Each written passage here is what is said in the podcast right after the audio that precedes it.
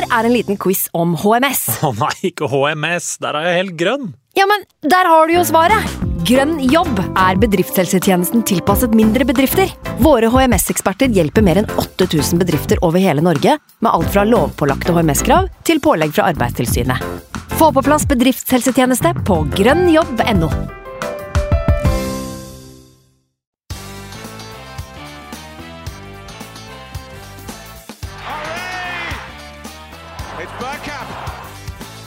for grabs!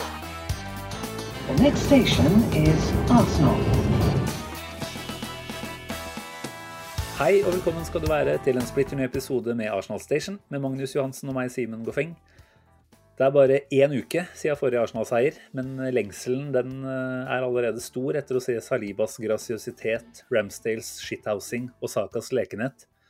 Og det ble ikke noe mindre heller, da vi måtte bevitne en viss klovn av en Fifa-president innlede fotball-VM med en bisarr seanse hvilken som helst totalitær statsleder hadde hadde vært stolt av. Magnus, kan vi ikke bare være så snill å få Arsenal tilbake snart? I dag føler jeg meg som en uh, Arsenal-supporter med stort savn. I dag føler jeg meg som en uh, sofagris, og i dag føler jeg meg som et vesentlig bedre menneske enn uh, Gianni Infan, Infantilo, for å kalle ham det. Det sier jo ikke mye, da. Jeg gjør ikke det, men uh, nå har vi i hvert fall uh, vært uh, såpass vi har meldt det. Det er Mm. Vi skal vel snakke litt om det. Det er rett og slett Jeg vil bruke begrepet mørke tider for fotballen når vi går inn i mørketida her hjemme. Mm. Ja, nei, altså, det var jo kvalmende så det holdt. Jeg har vært ute og handla kvalmestillende, kvalmenedsettende på apoteket siste dagen. Prøve å få bukt med det han har satt i gang her. Altså, ja, vi skal ikke bruke for mye tid på han. Eh, Vi må prate litt om VM eh, generelt, kanskje. Men eh, Infantino er det vel ikke noen tvil om at han han kommer ikke til å ta fotballen til noen bedre, noe bedre sted, heller, heller motsatt. Det er litt sånn vondt å se at idretten man er så glad i, har den fremste representanten, kan man nesten si. da. Mm. At det er en sånn her type fyr. Minner om en eh, ja, fæl statsleder. Med, vi trenger ikke å dra fram navn. Det kan hende at det er folk med ulike politiske ståsteder som lytter den poden her også, men uh, mørkt, det er det definitivt. Så um, ja. Mm. Nei, man lurer jo liksom på hvor eh, tjukt glasset er i den bobla han lever i. Da. Når han tror at det her skal på noe som helst slags måte gi ham mer legitimitet. Og, og få oss som eh, konsumenter til å fokusere bare på fotball. Fordi det her var jo bensin på eget bål, på eget krematorium, holdt jeg på å si. Det var Eh, Ja, Noe av det verste han, jeg har hørt. Jeg tror ikke han gjorde arrangørlandet noe tjeneste heller, å gå ut på den måten her. Så er det som, som du sier, hvem er det som driver og rådgiver eh, for han her? Det er en eh, ørliten, eh, fæl liten boble som jeg tror vi skal være glad for at vi ikke kjenner til. For det, det hadde vært gift for kroppene våre. Mm. Men nei, vi skal ikke bruke så altfor mye tid på, på Fifa. Litt på VM, det må vi. Men denne episoden her, den blir jo først og fremst en, en mimreepisode. Kan vi vel allerede avsløre, kan vi ikke det? Vi skal se tilbake til, til eh, kan vi si, forrige sesong, hvor Arsenal faktisk genuint var en tittelutfordrer, og prøve å trekke noen eh, kanskje paralleller, noen linjer fram til dagens situasjon, og se litt på, se litt på hva slags uh, trekk det går an å finne av både likheter og ulikheter der. Så det blir vel hoved... eh, eh, attraksjonen i dag. Eh, Så har vi fått inn litt eh, flotte spørsmål fra våre dyktige lyttere, må jeg si. Det er mye bra som dukker opp på spørsmålfronten om dagen. Det setter vi pris på. Bare fortsett med det. Mm. Eh, Du har ikke en X-spillerspalte i dag. Det er lov. Tre på rad hadde nesten vært for godt til å være sant. Men eh, når det er hektisk på jobb, så, så har vi forståelse for det alle sammen, Magnus. Ja, og så har eh, episoden et såpass eh, stor eh, bolk som handler om nostalgi. Så vi, vi er jo veldig opptatt av at vi skal være aktuelle, men at vi òg skal kunne være nostalgiske. Eh, og i dag så er vi først og fremst nostalgiske. Og en X-spiller på toppen av det hadde vel nesten vært litt i overkant, tenker jeg. Så må jo leve litt i nuet òg. Ja, Vi skal jo prøve å holde oss under den gylne totimersgrensa, i hvert fall. Så kanskje greit å ha det til gode, da. Ja, nei, altså Det er godt å kunne podde litt, jeg må si det. Jeg kjenner jo allerede at abstinensen etter Arsenal de begynner å komme fram. Det er vel Mm. det er bare en uke siden. Det føles veldig mye lenger. Eh, Mm. Men eh, den podden her framover blir vel en slags sånn eh, egen liten julekalendernedtelling. Ikke mot julaften, men mot eh, boxing day. Jeg vet ikke om du Mhm. har tatt fram appelsinen og satt inn eh, nellikspikere. I min appelsin så er det i hvert fall 36 eh, nellikspikere igjen per i dag.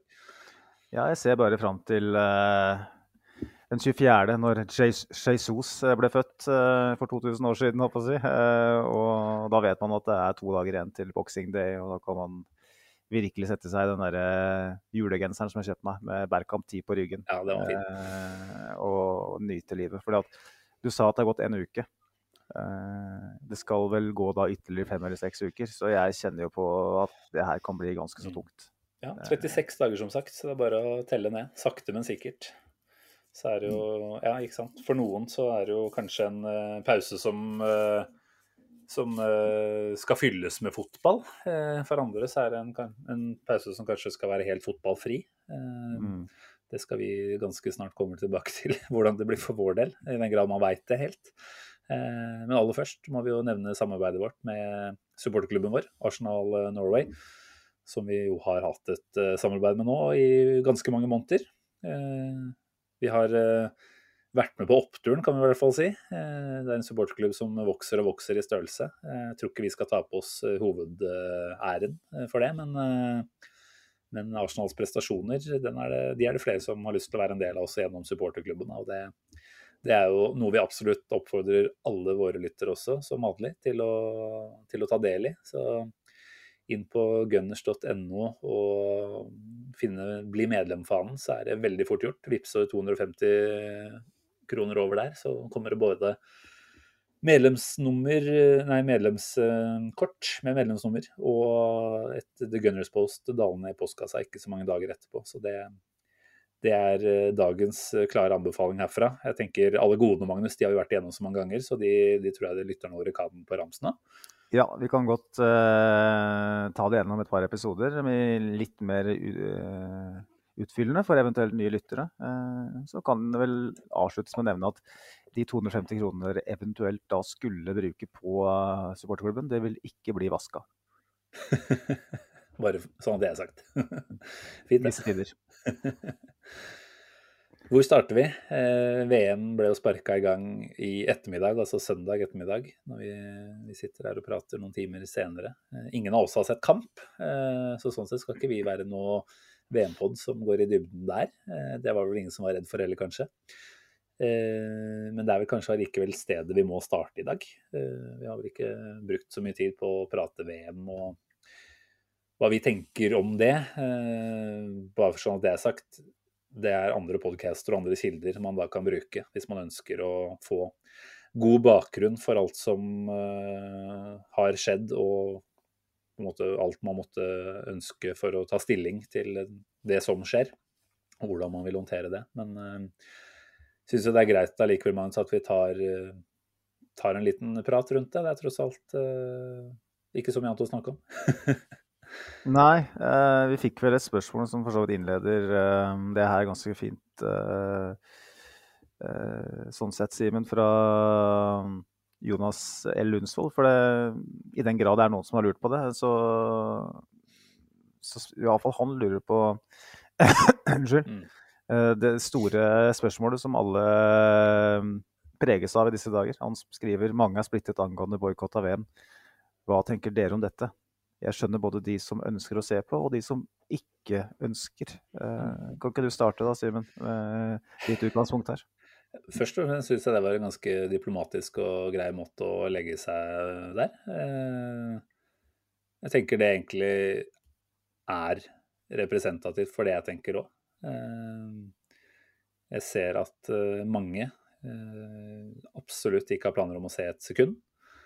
Og så er det nok eh, som Altså, det har nok ført til at mange som ikke nødvendigvis uh, mente så sterkt, uh, har gått uh, langt andre veien og absolutt skal se på dette her.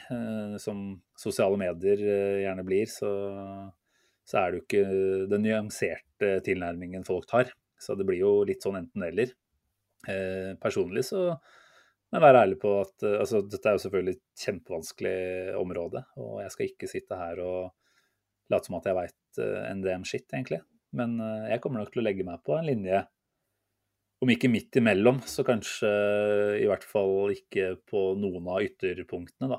Hvor det ikke blir noe titting eller absolutt all titting. For det, dette er jo et VM som skiller seg veldig ut eh, fra de foregående som jeg har uh, kunnet sett på som uh, fotballfan. Jeg er jo kjempeglad i fotball. Uh, ser gjerne det som måtte være på TV-en. Spør samboeren min, så kan du få bekrefte at det er dessverre en, en liten sykdom jeg har der. men denne gangen så har jeg ikke klart å bygge opp noe som heter glede eller forventning, egentlig, rundt det mesterskapet. Heller så har jo tida vært fylt med ja, innsikt om, altså det å få innsikt om situasjonen. Det har blitt brukt mange spaltemetere og mange minutter i nyheter og sånt på alle andre forhold rundt dette VM enn det sportslige. Og det, det syns jeg er kjempebra. Og det gjør jo at man får en avsmak for hele greia. Det er ikke noen mm. tvil om det. Samtidig så skal jeg være ærlig. Jeg tror det blir vanskelig å ikke se noen ting jeg kjenner meg selv såpass godt at når en av de absolutt toppkampene dukker opp utover i sluttspillet, kanskje særlig, da, så kommer det nok til å være en svakhet i meg som, eh, som gjør at den sannsynligvis vil, eh, vil ses. Da. Så er det klart at med Arsenal-øyne så er det noe mer interessant å følge med på de laga som har Arsenal-spillere eh, på plass. Men til, fordel, til, forskjell fra tidligere så kommer jeg ikke til å legge to pinner i kors på en måte for å få sett på dette her. Det blir mer ettersom det passer. Altså en åpningskamp som i dag, da, som man kanskje tidligere ville gleda seg til i ukevis. Og tenkte at åh, vertsnasjonen, underdoggen, skal opp mot en uh, litt større motstander. Du gleder deg til hele settinga rundt det, da. Men jeg har liksom ikke følt det i det hele tatt. Så, så det er på en måte utgangspunktet mitt. Og så har jeg selvfølgelig gått runder hvor jeg har tenkt at burde jeg liksom velge den totale unnvikelsen her, og bare unngå å se Altså unnvikelse fra mesterskapet, ikke fra problemstillingen. Eh, burde jeg bare skru alt? Eh, ikke være med og bidra til at seertallene eh, blir Altså, jeg tror de blir lavere enn noen gang før. Eh, men skal jeg likevel være med å bidra til at de blir høyere enn de ellers hadde trengt å være? Det, det er klart eh, den, den, tanken har slått meg. Moralen i dette her. Vil jeg se på noe når jeg vet at omtrent så ligger det ja, levninger etter eh, døde arbeidere eh, under stadiongresset, ikke sant. Altså Forhåpentligvis er vel alle omtrent sendt hjem og fått en verdig begravelse. Eh, men det er så mye vi ikke kjenner til her, og det er eh, lett å også bare sånn sett ville unngå det totalt, da. Men eh, mhm. ja, nei Jeg syns det er dritvanskelig, rett og slett. Men jeg har ikke lyst til å sitte her og ljuge heller. Og si at jeg ikke kommer til å se noen ting. Så ja, få høre litt fra deg før jeg, jeg, kan si noe mer etter hvert. Kan du få si kjapt hva du mm. tenker her? Først og fremst fra et Arsenal-perspektiv, for å ta det først, så er jo det som skjer med eh, Arsenal-spillerne der nede, eh, relevant for oss som supportere og relevant for podkasten vi faktisk skal eh, drive. Sånn at jeg kommer nok til å følge litt ekstra godt med på dem. Mm. Og så får jeg se, rett og slett, eh, når vi kommer lenger ut i mesterskapet, om det er noe som eh, om det er kamper som jeg har ekstra lyst til å se på. Eh, Ecuador mot Qatar i dag, den det var altså så Det, var, det, var, det fenga omtrent like mye som Andorra Færøyene, en privatlandskamp for meg, med tanke på å skulle se en. Jeg så den åpenbart ikke, da. Mm. og som, som, deg så har hele bakteppet her gitt meg en avsmak. Eh, jeg klarer Jeg har på en måte ikke har ikke noe behov for å moralisere overfor andre. Eh, verken de som boikotter eller de som ikke gjør det. Eh, jeg er litt på samme side som deg, eller midt imellom. Da, for så vidt. Eh, jeg tenker at den moraliseringa som foregår, at man skal gå til angrep på folk som velger å sitte og se på VM, eh, da tenker jeg at da må, har man fokus på feil sted. Eh, det er jo ikke en enkel sjel som sitter i en stue og søker litt underholdning på en uh, mørk høstkveld som skal uh, stilles til ansvar for det som har foregått her. Det blir uh, veldig en veldig uheldig vinkling. samtidig så har jeg veldig respekt for de som velger å boikotte. Mm. Absolutt. For det syns jeg er forbilledlig på, på sitt vis, så lenge det gjøres med de rette intensjoner. Um, at man satte seg godt nok inn i, inn i inni det her. Man trenger heller ikke å sette seg veldig godt inn i det for å forstå at det her er et mesterskap som Fifa har bygd eh, på en stabel av lik. Eh, det er et eh, mesterskap som er tildelt på bakgrunn av grov korrupsjon. Mm. Eh, som, skal, som, setter hele idretten i vanry.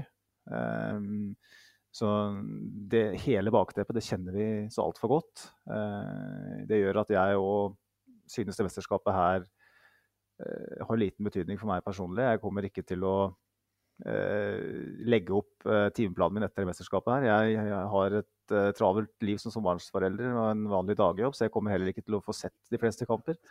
Kanskje den siste kampen, er det åtte, tror jeg den går. På, hvis det er en ålreit kamp, da, så kanskje jeg skrur på.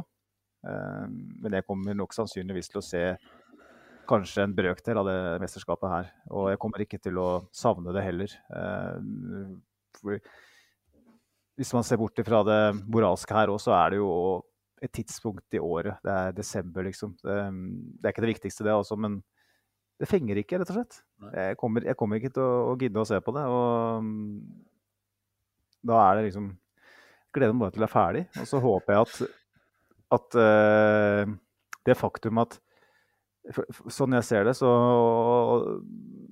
så oppfatter jeg at interessen for mesterskapet er lav. Mm.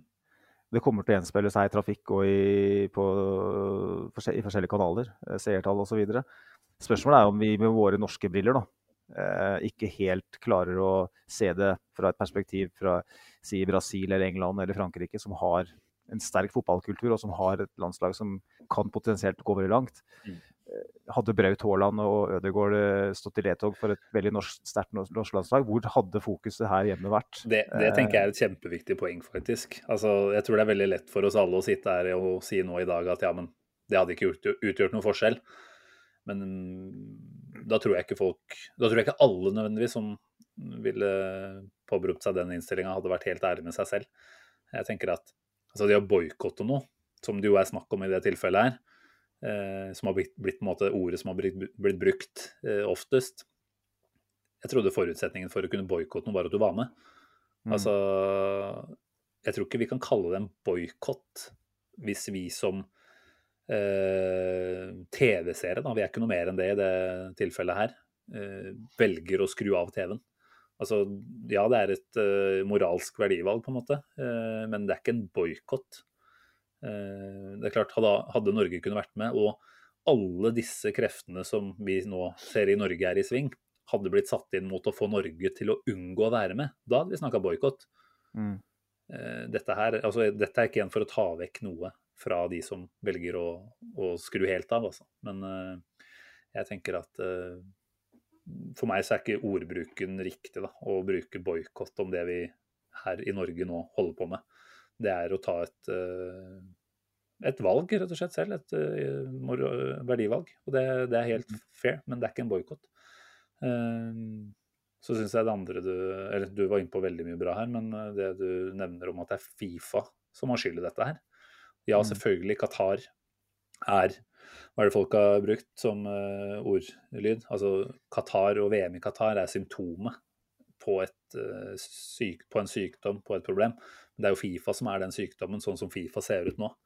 Mm. Fifa mm. kunne jo ha, om de ønsket, eh, da denne korrupte tildelingen eh, fant sted, tilbake i 2010 eller 2011 eller når det var, eh, kunne jo ha satt kjempetydelige føringer på hva slags forhold denne utviklingen av en ny by av åtte-ti VM-stadioner De kunne krevd svart på hvitt hva som skulle være forutsetningene og forholdene for hvordan dette skulle skje.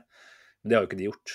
Og vi må anta at de hadde en visshet om hva, hva som var Det er jo dette kafala-systemet, er det vel det heter? Er det ikke det? Eh, hvor eh, fremmedarbeidere er liksom bundet opp mot eh, arbeidsgiveren sin, eller mot en eh, verge, på en måte, da, som ofte da er arbeidsgiver. Mm. Eh, Det er klart at eh, Jeg tror ikke det er noe, noe nytt fenomen. Eh, Det er vel heller et eh, fenomen som burde vært avskaffa for lengst. Eh, Hvis Fifa hadde gått inn og vært tydelig på at dette er ikke en ok, et OK utgangspunkt om dere ønsker å arrangere VM. Dere må besørge at alle de som skal delta i utviklingen av dette her, eh, skal gjøre det under eh, gode forhold, eh, med rettigheter intakt. eh, Sikkerheten skal være på plass. Da kunne vi på en måte vært fornøyd, da. Og da, da kunne vi i større grad ha retta kritikken mot Qatar eh, Mm. når det ikke eventuelt ble oppfylt. Men her er det 100% egentlig Fifa sin skyld. Eh, at disse Nå er det vel kommet eh, tall på 6500, var det ikke det som ble det er det- som har blitt referert til oftest, som har blitt veldokumentert av The Guardian bl.a. og Amnesty, men har vel også hørt tall på opptil 15 000. Og så har du selvfølgelig Fifa sitt tall, da, som var tre. det er helt sinnssykt. Ja, 3,0, altså ikke 3000, ikke sant? Ja, Tre personer mener Fifa har dødd som en direkte konsekvens av eh, VM-anlegg-byggingsarbeid. Så åpenbart er ikke det noe å stole på. Um, ja, igjen, nå kan vi bli sittende her og snakke lenge om dette, Magnus, og det sa vi vel før vi starta, at da bør folk heller oppsøke en annen podkast, eller Ja. andre podcaster. For Mm. dette er ikke dette er ikke liksom vårt, vårt bord. Vi har sagt vi, hvilken linje vi legger oss på. Jeg tenker at det alle i hvert fall bør gjøre, uavhengig om du ja, altså Hvis du velger å ikke se det, så har du sannsynligvis allerede gjort det. Men kan jo at noen også har tenkt at nå skal jeg være med å unngå dette her, fordi man ser at det er en eh, mening som rører seg eh, i stor grad der ute. Jeg tenker at alle som er involvert eh, og er glad i fotball eh, og tenker noe rundt dette her, bør i hvert fall bruke litt tid på å opplyse seg og se disse eh, Netflix-dokumentarene som er lagt ut. Eh, har ikke jeg sett den som ble produsert av Josimar, men jeg har hørt at den kom ut på stream og hos Værmannsen etter hvert, vel, så det skal være mulig å se det. Eh, I hvert fall sørge for at man eh, igjen, det er ikke alt som kommer fram der, men igjen er med å gi et eh, større, en større innsikt da, i dette. Jeg må jo bare si, jeg tok jo den, det er kanskje litt drøy referanse, men i den første episoden av den Netflix-serien om Fifa, så var det vel et, en, del, en del av fokuset på Argentina-mesterskapet tilbake i ja, et eller annet, eh, var vel et uh, 70-tallsår. Og at det da var, eh, var eh, 500 meter ca. mellom fengselet hvor eh, opposisjonelle eh, hadde blitt tatt til fange av militærjuntaen eh, og ble torturert omtrent samtidig som eh, VM-kampene pågikk. Da. Og det er klart at uh, skal ikke være veldig kreativ for å trekke den linja til Qatar. Og liksom, her er det fremmedarbeidere som basically er tatt til fange. Altså Idet de kommer inn i landet og forplikter seg til å jobbe, så har de på en måte gitt fra seg passet. De har sånn sett også gitt fra seg rettighetene sine og blir omtrent eh, holdt som gissel av arbeidsgiveren fram til eh, man kommer til enighet om at det er greit å dra hjem igjen. Så igjen, det er kanskje en litt drøy sammenligning, men eh, men det, er noen, det er noen likhetstrekk her. Eh, og det er klart, når man sier dette høyt, så blir det litt sånn Ja, det er jo helt sjukt, det er helt jævlig. Og allikevel så skal jeg kanskje sitte og se på noen kamper. Men det er sånn Mm. Jeg vet ikke. Altså, moralsk sett så burde jeg kanskje ikke gjort det, men uh, jeg tror markedskreftene jeg er med å påvirke ved å skru på eller la NRK eller TV 2 stå på noen få timer i løpet av uh, VM, det utgjør kanskje ikke så mye at det er verdt noe. Eh, Jeg vet ikke. Eh, Disse rettighetene er jo allerede kjøpt av NRK og TV 2 for lenge siden. Eh, At vi nå gjør et valg om å unngå å bruke vår makt, eller ikke, da, til å, til å synliggjøre hva vi mener her. Hva, hva påvirker det? Jeg tror veldig, veldig, veldig mange involverte, egentlig alle, er klar over eh, hva, som, eh, hva som er av kritikk rundt dette her. Og tenker at Mm. det er vel kanskje det mest positive, da, at man har fått en så stor bevissthet rundt det. Og så kan man jo stille seg spørsmålet hvor var den bevisstheten, den kollektive bevisstheten eh, blant oss alle, liksom. Hvor var den rundt uh, Russland-mesterskapet fire år tilbake? Og det Mm. prøver jeg ikke å komme inn på noe whataboutism i det hele tatt her, altså bare sånn at det er sagt. Jeg Jeg tenker at det er kjempebra at det blir satt lys på dette her. Eh, Det burde vært mer av det. Eh, Det bør sannsynligvis også være mye av det foran eh, mesterskap som skal avholdes- om fire år i Nord-Amerika og Mellom-Amerika. Den kan vi komme tilbake til da. ja, ja. Ja, nei, nå ble dette her langt, og igjen, man kan ha lyst til å si masse rundt det. Og noen syns sikkert at de som også du og meg, da, Magnus, burde skamme seg litt når vi sier at vi nå kommer til å se litt. Um, Jeg kommer ikke til å skamme meg over å se noen eh, VM-kamper, hvis jeg gjør det. Jeg vet ikke hvordan eh, de neste ukene ser ut. Det eneste jeg vet, er at hvis det hadde vært et annet VM, altså, så hadde jeg gleda meg til enhver kamp og hatt en plan for dette her. Og hatt planer med kompiser om å se den og den kampen. Mens nå er det liksom ikke noe i nærheten da, av det samme. Så ja, nei, det får være kanskje siste ord fra min side. Jeg vet ikke om du kan runde av på en god måte? Jeg syns du, du sier så mye fornuftig her, jeg, Simen, at eh, hvis jeg skal begynne med en, på en lignende tirade eh, med mine meninger, så blir vi sittende her. Så eh, jeg syns jeg er helt enig med deg. Og det siste jeg vil si, er liksom Som du er, så vidt inne på. what Whataboutism. Det blir refereres til mesterskap eh, og andre arrangementer tilbake i tid hvor, hvor ting har, vært uheldig. Eh, kanskje ikke i samme skala, men som åpenbart ligner. Eh, litt, iallfall. Mm. Hvor mennesker blir utnytta eh, på grovt vis for at, eh, at andre skal At pamper skal kunne fylle lommefòret sitt med, med, med cash. Eh, og jeg tenker at Kanskje, kanskje har det skjedd da, at vi har sittet og sett mesterskap eh, idretter hvor det har vært det. Men vi har jo ikke, det har jo ikke vært opplyst. Vi har jo ikke kunnet tatt stilling til det på det viset her. Og det er ikke noe feil å ta et standpunkt når man får den informasjonen som trengs for å kunne ta et standpunkt. Og det har vi fått nå. Og da tenker jeg at Mm. min appell ville vært da at eh, vær så snill og ikke kom jagende med what- whataboutism i alle retninger og si at ja, men du, du så jo på det mesterskapet, og du hadde på deg den T-skjorta med, den, med den logoen som representerer Mm. eh, det samme. Eh, det blir så slitsomt. Da blir vi, kan vi aldri diskutere noe som helst. Da. Nei. Nei, det kan jo Han nevnte Infantino forhåpentligvis bitt seg merke i det du sier her nå. Og, altså igjen, den talen han kom med her eh, for et par dager tilbake, det er noe av det sjukeste jeg har hørt. Og det var jo en oppvisning i whataboutism, eh, nesten hele greia.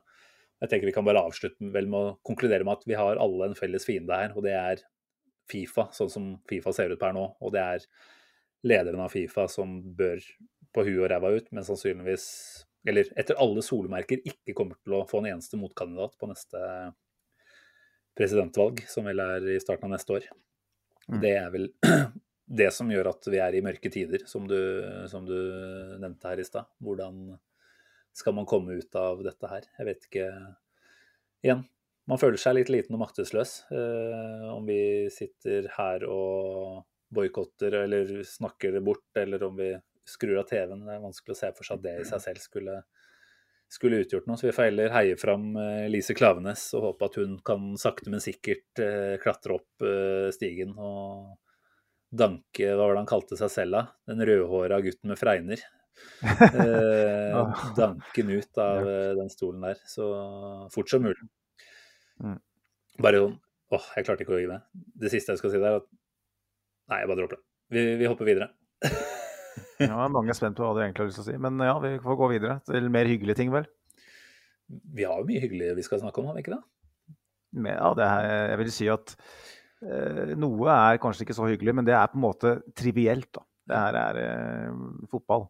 Og det er det vi vil snakke om her i den podkasten. Jeg håper at vi kan være en, i løpet av VM en liten escape fra, fra VM òg. og prøve på det. rett og slett. Så, Vi kommer til å bli det, fordi vi har jo ikke planer om å se så veldig mye. Så det er ikke sånn at vi kan komme med så veldig opplyste meninger rundt det.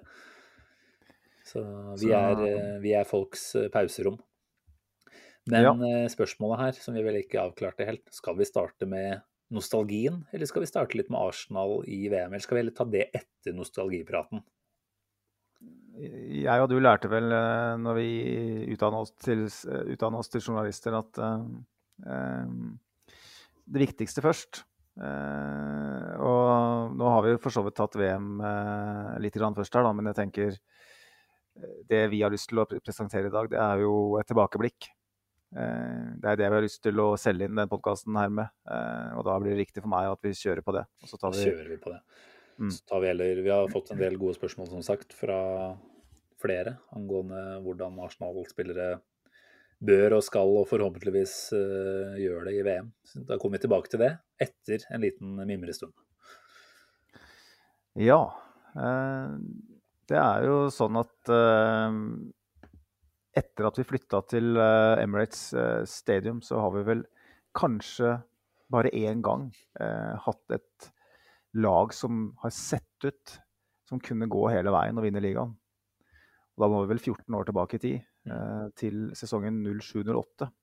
Det er en sesong som ligger såpass nært eh, Invincibles og Champions League-finale i 2006. Alt rundt flyttinga fra Hybrid til Emirates.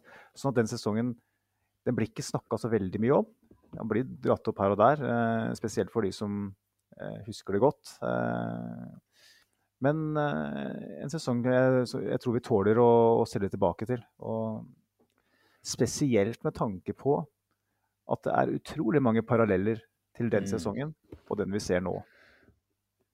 Skummelt mange, kanskje? Ja, for det, ikke, ikke bare paralleller. Det, det må vi jo forhåpentligvis eh, lande på. At det går an å håpe på en liten forbedring. Ja, for sånn, sånn som det ser ut nå, så har vi på en måte nesten kopiert den sesongstarten. Eh, og så vet vi jo at den sesongen ikke endte veldig bra. Eh, men eh, Det var jo traumatisk, for faen. Det var jo det den var. ja, det var det. Den utspilte seg på de siste åtte-ti matchene der. Det var brutalt, ja. Vi kan jo starte litt, Simen, med, med bakteppet. Mm. Sommeren 2007 så gikk jo Arsenal ut av en sesong som under Wenger må sies å være historisk svak på det tidspunktet. Eh, hadde òg en svak sesong i 05-06, siste på Hybrid i ligaen. 67 poeng vel i ligaen, som var en ganske klart eh, verste notering. Eh, og um, Endte på fjerde. ja, så vidt det var, etter at eh, Wengers lasagne gjorde, gjorde Ja, ja, det var 05-06 du snakka om nå, ja. Ja, Jeg og trodde det så var på 06-07 allerede.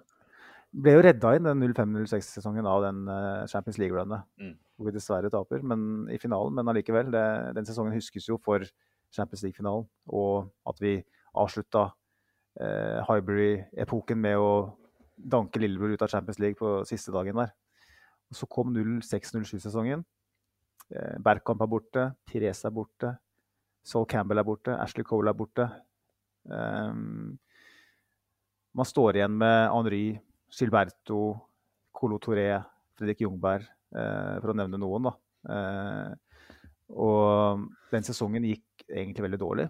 Det er, jo, ikke så overraskende at man sliter første sesongen på, på en ny bane. Highbury var jo et fort. Mm. Emirates ble på en måte en kommersiell eh, bolle. Eh, uten sjel, uten spesielt god atmosfære. Eh, men man hadde jo likevel spillere som var med på store ting. Man hadde et veldig ungt og godt lag. Men det var en, det var en dårlig sesong, og vi endte vel igjen på rundt 170. 60, jeg tror det var 67 da òg. Og man begynte liksom å lure på om har Wenger på en måte eh, kvitta seg med eh, store deler av den generasjonen da, på veldig kort tid, eh, uten at det nødvendigvis var riktig. Eh, for sommeren 2007 da husker vi godt at Thierry Henry satt gråthvalt og fortalte oss på arsenal.com at han eh, stikker til Barcelona. Eh, jeg gråt selv. Eh, og da står man vel Jungberg òg forsvant vel den sommeren. Stemmer. Da står man igjen med Gilberto og Colo Toré. Reyes òg forsvant jo da permanent til, tilbake til Spania. Så Invincibles var oppløst av Deleman, men han var i ferd med å miste plassen til, til Almuni allerede. Eh, Ja, han gjorde det, ja. Stemmer det. Så tidlig. Eh, så um, da, da var jo på en måte narrativet at nå er Wengers Arsenal på vei ned. Selv om han hadde et uh, ungdomsprosjekt, som han kalte det på den tida, uh, med Fabregas i spissen, så var det sånn Med Henry ut så var det et tydelig signal. David Dean var ute. Mm. Henry ønsker å forlate klubben fordi han selv ser at Arsenal ikke er store nok, gode nok til å være med om den Champions League-pokalen som han Hadde ikke ambisjoner nok? Eller muligheter nok, kanskje? Eh, så da står man på en måte med et ungt lag med, som mange mener ikke er rusta mentalt eller ferdighetsmessig til å ta opp kampen med Manchester United. Mm. Um, og så ser du veldig ulikt på mange måter, men Artetas Arsenal som eh, har igjen noen gamle veteraner, noen stjerner, for å kalle det det, på høy lønn. Eh, Aubameyang blir pressa ut av klubben. Nummer 14, kaptein. Eh, Henry var nummer 14 og kaptein. Han ble ikke pressa ut, han stakk sjøl, for all del. Men det er en stor personlighet som forsvinner ut. Mm. Lacassette forsvinner. Eh, PP forsvinner. Det er et lag, ikke et mesterlag, men det er på en måte konturen av det laget vi skulle være, som forsvinner. Eh, og folk tviler litt på om det unge laget her har det som skal til. Og når man på en måte ser hva slags energi som frigjøres når de unge spillerne på en måte får ansvaret, mm. der syns jeg det er paralleller. Absolutt. Eh, ingen forventa at Arsenal skulle lede Premier League til nyttår i 2007-2008. Eh, men når vi, når vi skrev 1.1, så sa alle at Arsenal kommer til å vinne ligaen. Eh, ingen forventa at Arsenal skulle vinne tolv, spille én uavgjort og tape én eh, før VM 2022. Nå sier alle at Arsenal er den nærmeste utfordreren til umulig Manchester City. Mm. Eh, jeg syns det her er interessant. Gjennomsnittsalderen på det laget eh, fra 0708 Nå har jeg tatt førsteelveren. Ja. Den, den elveren som da er benytta mest ganger, da. eller de elleve spillerne som har brukt mest, er vel mer riktig å si. Jeg tenker jeg først kan ta eh, ta de elleve. Eh, det er Almunia i morgen. Backfire bestående av Sagna, Gallas, Toré, Klisjé. Midtbane fire støk. Klebb, Flamini, Fabrega, Sositski. Så er det Adebayor og Eduardo på topp. Snittalder 25 blank. Den elveren vi eh, skal til, komme fram til i 2022, den kjenner jo alle. Da har jeg satt inn Zinchenko, selv om han kanskje ikke har uh, nok kamper. Men jeg tenker at det er riktig. Aldersforskjellen eh. mellom han og Tierney er vel ikke stor? Tomiyasu ville jo vært yngre, faktisk, og dratt ned alderen. Mm. Så, men enig, enig. Ja, sorry. Men ja, det er, det, er, riktig som du sier, men snittalderen er 24,36. Eh, litt under, men ikke mye. Um, nok en parallell, da, for jeg kaller det det. Uh, det laget hadde Eh, skal vi se. Etter 14 runder, 36 poeng. Ett poeng mindre enn den gjengen vi har i dag. Ubeseira eh, fram til desember, ser jeg at vi var i, er, i, den sesongen der. Det er helt riktig. Er, eh, eller målforskjellen er ganske lik. Mm. Den var 31-11 da, og er 33-11 nå. Eh, kanskje den største forskjellen da, er at nå har vi åtte, nei, åtte bortekamper og seks hjemme. I 07-08 så var det åtte hjemme og seks eh, borte. Ah, yeah, I like Men jeg bare, jeg bare tenker, Simen, uh, når, når, du hører det her uh, Er det sånn at du kjenner igjen konturene av noe her i dagens tropp? Er det, er det, er det litt sånn enkelt for meg bare å trekke sånne slutninger Men at ja, fordi at tallene ligner litt på hverandre og bakteppet ligner litt på hverandre, så, så har vi noe lignende på gang? Jeg syns kanskje særlig det med bakteppet er det mest interessante her. da, Det du er inne på med hvem som gikk ut, hvem som ble borte. Eh, hvem som eh, deretter så muligheten eh, og sin plass da, til å, til å steppe opp og bli en tydeligere skikkelse. Så Fabregas eh, den sesongen der var jo helt ellevill. Jeg vet Hvor gammel var han? Det sa du sikkert. Var han bare 20? Han hadde fylt 20, ja. Ok. Mm. Innbilte meg at han var et år yngre. Men uh, vi ser jo noe likhetstrekk definitivt i noen av de unggutta våre nå, som kanskje ikke Altså, kan du sikkert si at det ikke er én unggutt som er like sentral som det Fabregas var i den 07-08-utgaven her. Men, men, at det er sånn, en kollektiv fordeling av, av de ledertypene, hvis man kan kalle et par av de som har blitt borte for ledertyper. da, Men i, i hva slags posisjon de hadde i troppen, så var det på en måte det. da. Det har på en måte det ble et slags tomrom av det.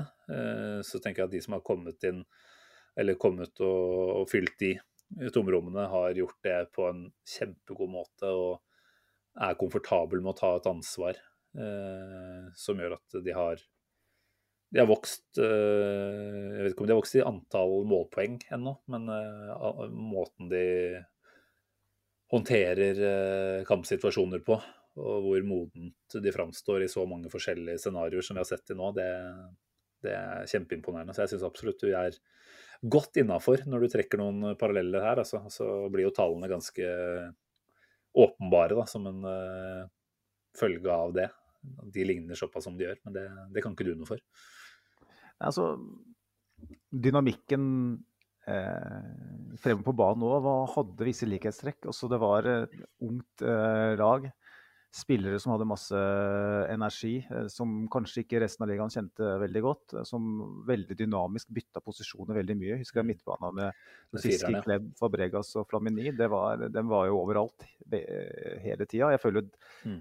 Det, det, laget var mer et sånt eh, lag som rett og slett hadde så mye kvalitet at de ble for gode for motstanderen. Mens mm. dagens lag kanskje i større grad er modne. Selv om de er hakket enda yngre, så føler jeg at det laget i dag er mer modne. Og det gir meg da et håp da, om at utgangen av det her kan være noe litt annet. Ja, eh, jeg syns jeg ser altså det, det snakkes jo så mye fra dagens uh, gjeng om at man har et uh, sånn familiefølelse. Da.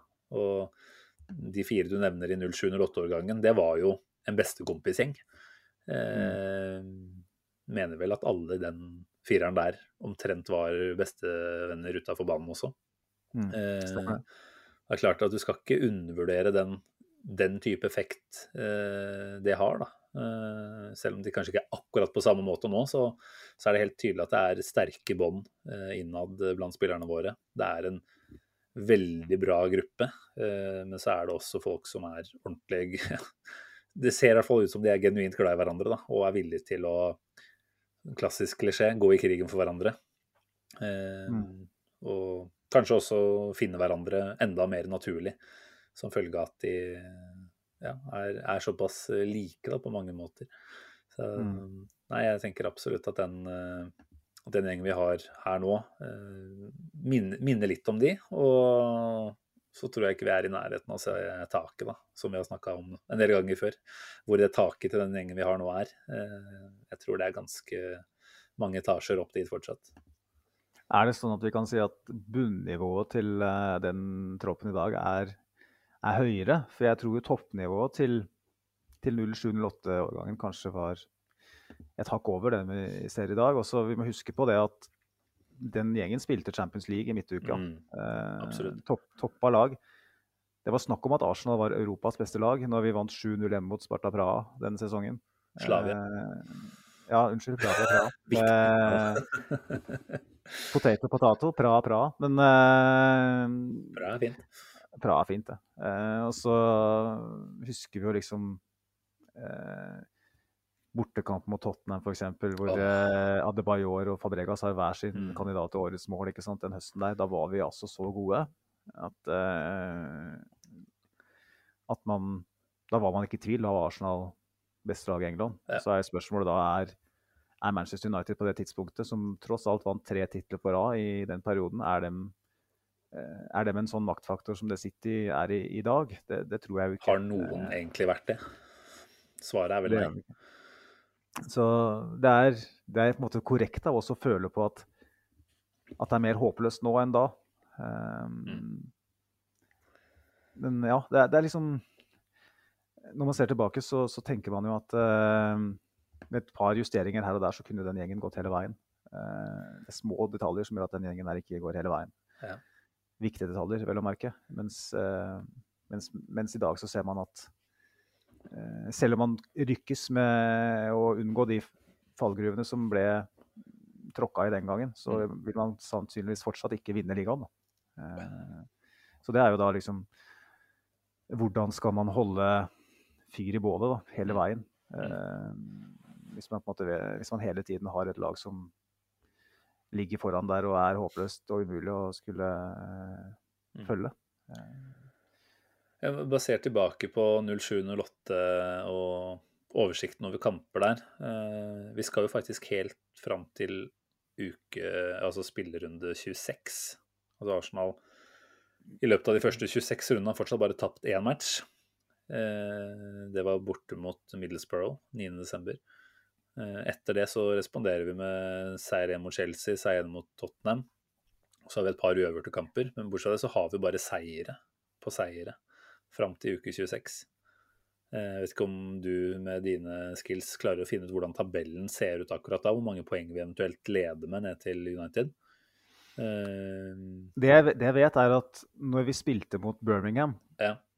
eh, den famøse kampen som vi skal inn på etter hvert, så kunne vi ha åpna luke på åtte poeng. Ok. Eh, Det ble da seks, da, for vi spilte uavgjort. Det er jo fremdeles ganske solid. Um, og så gikk vi på fire kamper på Ravel eh, med, uten seier etter den. Birmingham. Det var tre til, da. Um, sånn at Ja, eh, tre til med uavgjort, og så et bortetap mot Chelsea også etter det. Så det er jo en rekke på fem matcher der, da. Når det er fire uavgjort og en Ja. Så det er jo rett og slett en kjempekollaps. Mm. Og når vi vet at laget ender fire poeng bak, og i tillegg har alt i egne hender eh, med en bortekamp mot United på slutten der, så ser man jo at det her er jo rett og slett en kjempekollaps. Mm. Um, Men apropos bortekamp, da, eh, mot United. Eh, For det er jo meg selv inkludert, sannsynligvis mange som tenker på den Birmingham-kampen her som den som måte snur alt, da. mm, Eh, Som øyeblikket som vi ikke klarer å reise oss fra mentalt. Vi husker hvordan Galas satt i midtsirkelen etter kampen der og kanskje ikke var den lederen vi hadde trengt på det tidspunktet. Det går det vel an å si. Eh, Men, men eh, du snakka jo så vidt om det før vi gikk på lufta her. Eh, Vi har jo en bortekamp mot United i FA-cupen. Er det fjerde runde? Eller noe sånt. usikker, på, usikker på hvilket stadie, men ja, det var en FA-cupmatch. Den var vel før Birmingham-kampen, var den ikke det?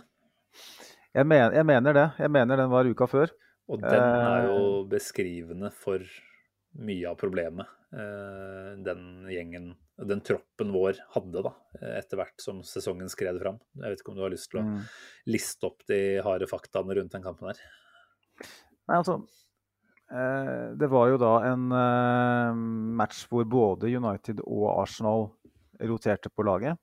Eh, noe framtunget for begge sider. Ronaldo var ute for United, samme var jo Scholes. I tillegg så gjorde de en del endringer ellers. Eh, Arsenal eh, ble jo eh, Hadde jo et skademareritt på Og sykdomsmareritt vel også eh, gående. I tillegg så skulle vi vel hadde vi en Milan-match i beina, tror jeg, i, fra Champions League. Eh, en dobbeltoppgjør mot Milan som folk kanskje husker, hvor Fabregas ble helt på San Siro. Mm. Eh, skal vi se, for det jeg skal bare ta og finne frem eh, de kalde fakta her som du refererer til. Eh, de spillerne som var ute eh, med skade, det var jo ganske viktige spillere. Det var bekkene bl.a. Sånn at vi starta med Traore og Hoit på henholdsvis venstre og høyre bekk. Niklas Bentner på topp. Og vi ble fillerista, 4-0. Eh, kunne vært mer. Mm.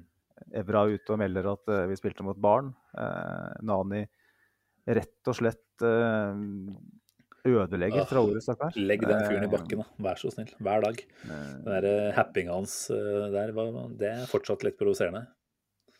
Det er jeg helt enig i. Ikke fordi og- ikke folk har lov, det var bare provoserende akkurat der og da. Veldig.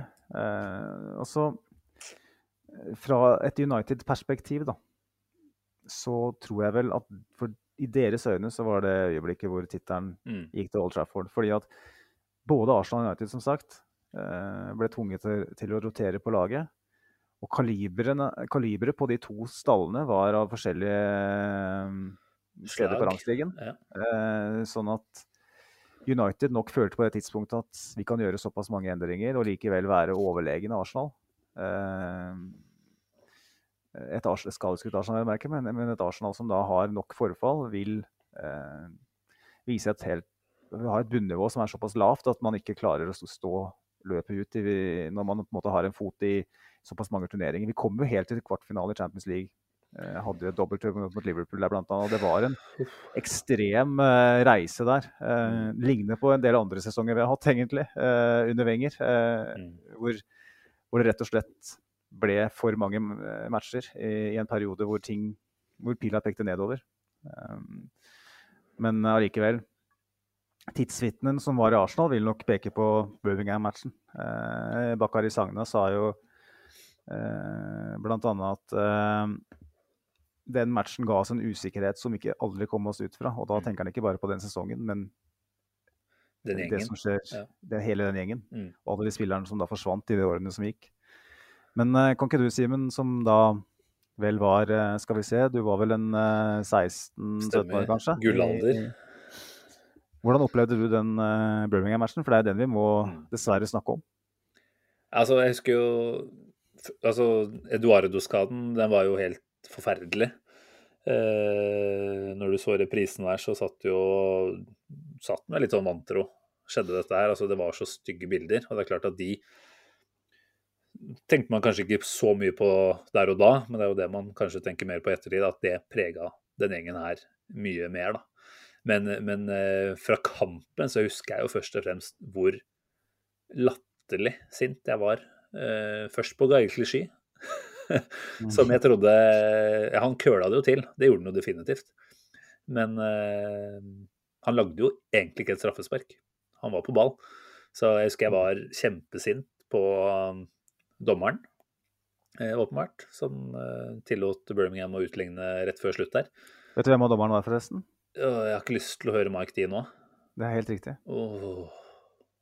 Oh. Bare sånn til info. Så fint, da. Ødelegger kvelden min. Magnus. Men eh, altså, det er hyggelig å mimre litt, men akkur akkurat den delen her av eh, den 0708, den var brutal. Men på den annen side, da, som du sier, jeg husker jo ikke akkurat eh, hvor mange poeng det var, men satt vel med følelse der og da at her har vi fortsatt alt i våre egne hender. Selv om man selvfølgelig da ser at Eduardo må ut, og åpenbart er ute i lang tid. Eh, og han var en viktig spiller den sesongen der. Han hadde jo han var jo kjempeform. Var den mest kliniske avslutteren i ligaen, uten tvil. Ja, på en måte, men han Han skåret kanskje ikke bare masse, slite, men, Han skåra eh, fire, tror jeg. Ja, det var et eller annet med at eh, eh, vi hadde Den dynamikken ja. han hadde Bajor. Ja, ikke sant. Og i tillegg til at vi hadde da tre gode spisser. Eh, jeg husker ikke hvor mange kamper van Persie spilte den sesongen der, men han var vel sikkert skada en del, han òg, kjenner jeg rett. Men Han var ikke, han sta, jeg har tallene på hvor mange han starta. Ja. Eh, skal vi se Men plutselig var vi Han tynne. starta 13, men Mm. han kom vel da først på slutten av eh, Ja. sesongen. Nei, så hvordan følte man seg der og da? Eh, tenkte vel at det skulle være en mulighet fortsatt. Altså Det var vel en uh, ny, ganske grei match i runden etter. Hjemmekamp mot Villa? Villa, ja, ikke sant. Jeg husker den mot Middlesbrough godt. Det var vel da han eh, gamle kjenningen scora. Husker jeg ikke navnet hans akkurat her og nå. Franskmannen. Uh, Aliadier. Aliadier, ja, takk. Den kampen, den eh, Det er en kamp som jeg, eller mutter'n, aldri glemmer. Da, Vær så snill å fortelle. jeg skulle jo se den matchen på pub jeg hadde bestemt meg for. da, Og han kompisen min som skulle være med, han trakk seg siste liten. Så tenkte jeg jeg skal på pub allikevel. Ja. Så fikk jeg mutter'n til å kjøre meg til Elverum, da, som er nabokommunen her. Eh, og i den kampen, da, for å si det sånn, eh, så var det så mange dårlige dommeravgjørelser eh, at godeste unge Johansen han mista det på den puben. Eh, så da mutter'n da kom tilbake to timer senere for å, å hente meg, så parkerte jeg på ved rådhuset som ligger like ved den puben. Og det ligger sånn 30 meter fra. Da hørte jeg sønnen sin skrike fra puben. Jeg var, ene, jeg var bare meg og to personer til på den puben. De to andre satt der bare og måpte sikkert, jeg vet ikke jeg. Men uh, mutter'n bare gikk og satte seg tilbake i bilen og sendte meg en SMS om at uh, du får bare komme og sette deg. Jeg går ikke inn på puben her nå. Oi, ai. det er så on brand for deg, det, Magnus. Veldig, veldig bra. Ikke, Det var, eh, det var en av de, det, da, da var jeg på mitt aller verste, sånn sett. Men jeg husker den kampen så godt, for da, da ble vi rett og slett eh, snytt for en Mm. seier. Eh, det, jeg vet ikke hvor mange straffespark vi, vi skulle hatt, det, men det var mange. Eh, men eh, føyde seg inn i en uh, tung rekke da, etter Ja. den Birmingham-matchen. Eh, jeg kan jo bare si Jeg leste meg litt opp igjen nå, eh, forfriska litt, eh, i forbindelse med forberedelsen eh, til episoden. Og den ting som jeg nesten hadde glemt, var jo det at i 2007, da når Henry forsvant, så var jo Gilberto visekaptein. Ja. Eh, og det var jo naturlig da at han som Invincible og eh, Weidemann nærmest på det laget skulle få det bindet. Eh, men Wenger valgte jo da å gi det til Gallas. Kan, Øh. Hvordan? Hvordan klarte han det? nei, altså altså det, det, det er jo. Ja, eh, jeg håper det bare var pga. Gallas. Eh, og det valget, det kan ha vært med på å gjøre at vi ikke vant ligaen denne sesongen. Alle snakker om beinbruddet. Eh, men hvis du spør tidsvitnene fra, fra garderoben, så vil de si at uh, sannsynligvis så var det den fighten som foregikk etter matchen. Eh, fordi at når Gala satte seg ned i midtbanesirkelen der, og, og rett og slett uh, ga av, han rett og slett uh, abdiserte, ga avkall på tronen. Han Mm. var ikke interessert i å lede lenger. Eh, og det førte jo til at Gilberto, da, som på en måte hadde i underbevis underbevisstheten nærmest ulmende at nå er det på tide at eh, vi får tatt en oppvask her. For at han følte seg snytt, og det forstår jeg. Eh, så det foregikk da, sånn jeg forstått det, nesten en slåsskamp i garderoben, hvor Gilberto leda han for sin side, mens Gallas da hadde sine eh, eh, Hva skal jeg si? Ja, eh, rekkekamerater. Eh, en av dem var sannsynligvis ikke Colo Touré, som hata Gallas, men det var noen i den garderoben som var på Gallas sin side. Mm. Eh, så det hadde vært ganske stygt. Og det er ifølge, i hvert fall ifølge han Gary Lewin, som var fysioterapeut på det tidspunktet, eh, så var det det viktigste årsaken Ja. til at, uh, at alt gikk til helvete. For at eh, den garderoben som var harmonisk, uh, den gikk da til å være ganske splitta. Og igjen, det sier jo ganske mye om hvor skjørt det prosjektet med Gallas i eh, kapteinsrollen var. Da. Og kanskje hvordan stemninga i Altså, det sier jo mye om hvor lite Altså, det var en saftig eh, smell, dette her. Det var et tilbakesteg, men allikevel noe man skulle klart å komme seg gjennom og videre fra. Og Mm. når det lå så mye og ulma der, og så venta det egentlig bare på Kall det feil anledning, da for å komme til overflaten. Og Mm. når du snakker om paralleller til eh, dagens eh, lag og tropp, så kan vi vel heldigvis være ganske trygge på at på det området her så har vi ikke noe i nærheten av noe som minner om en parallell.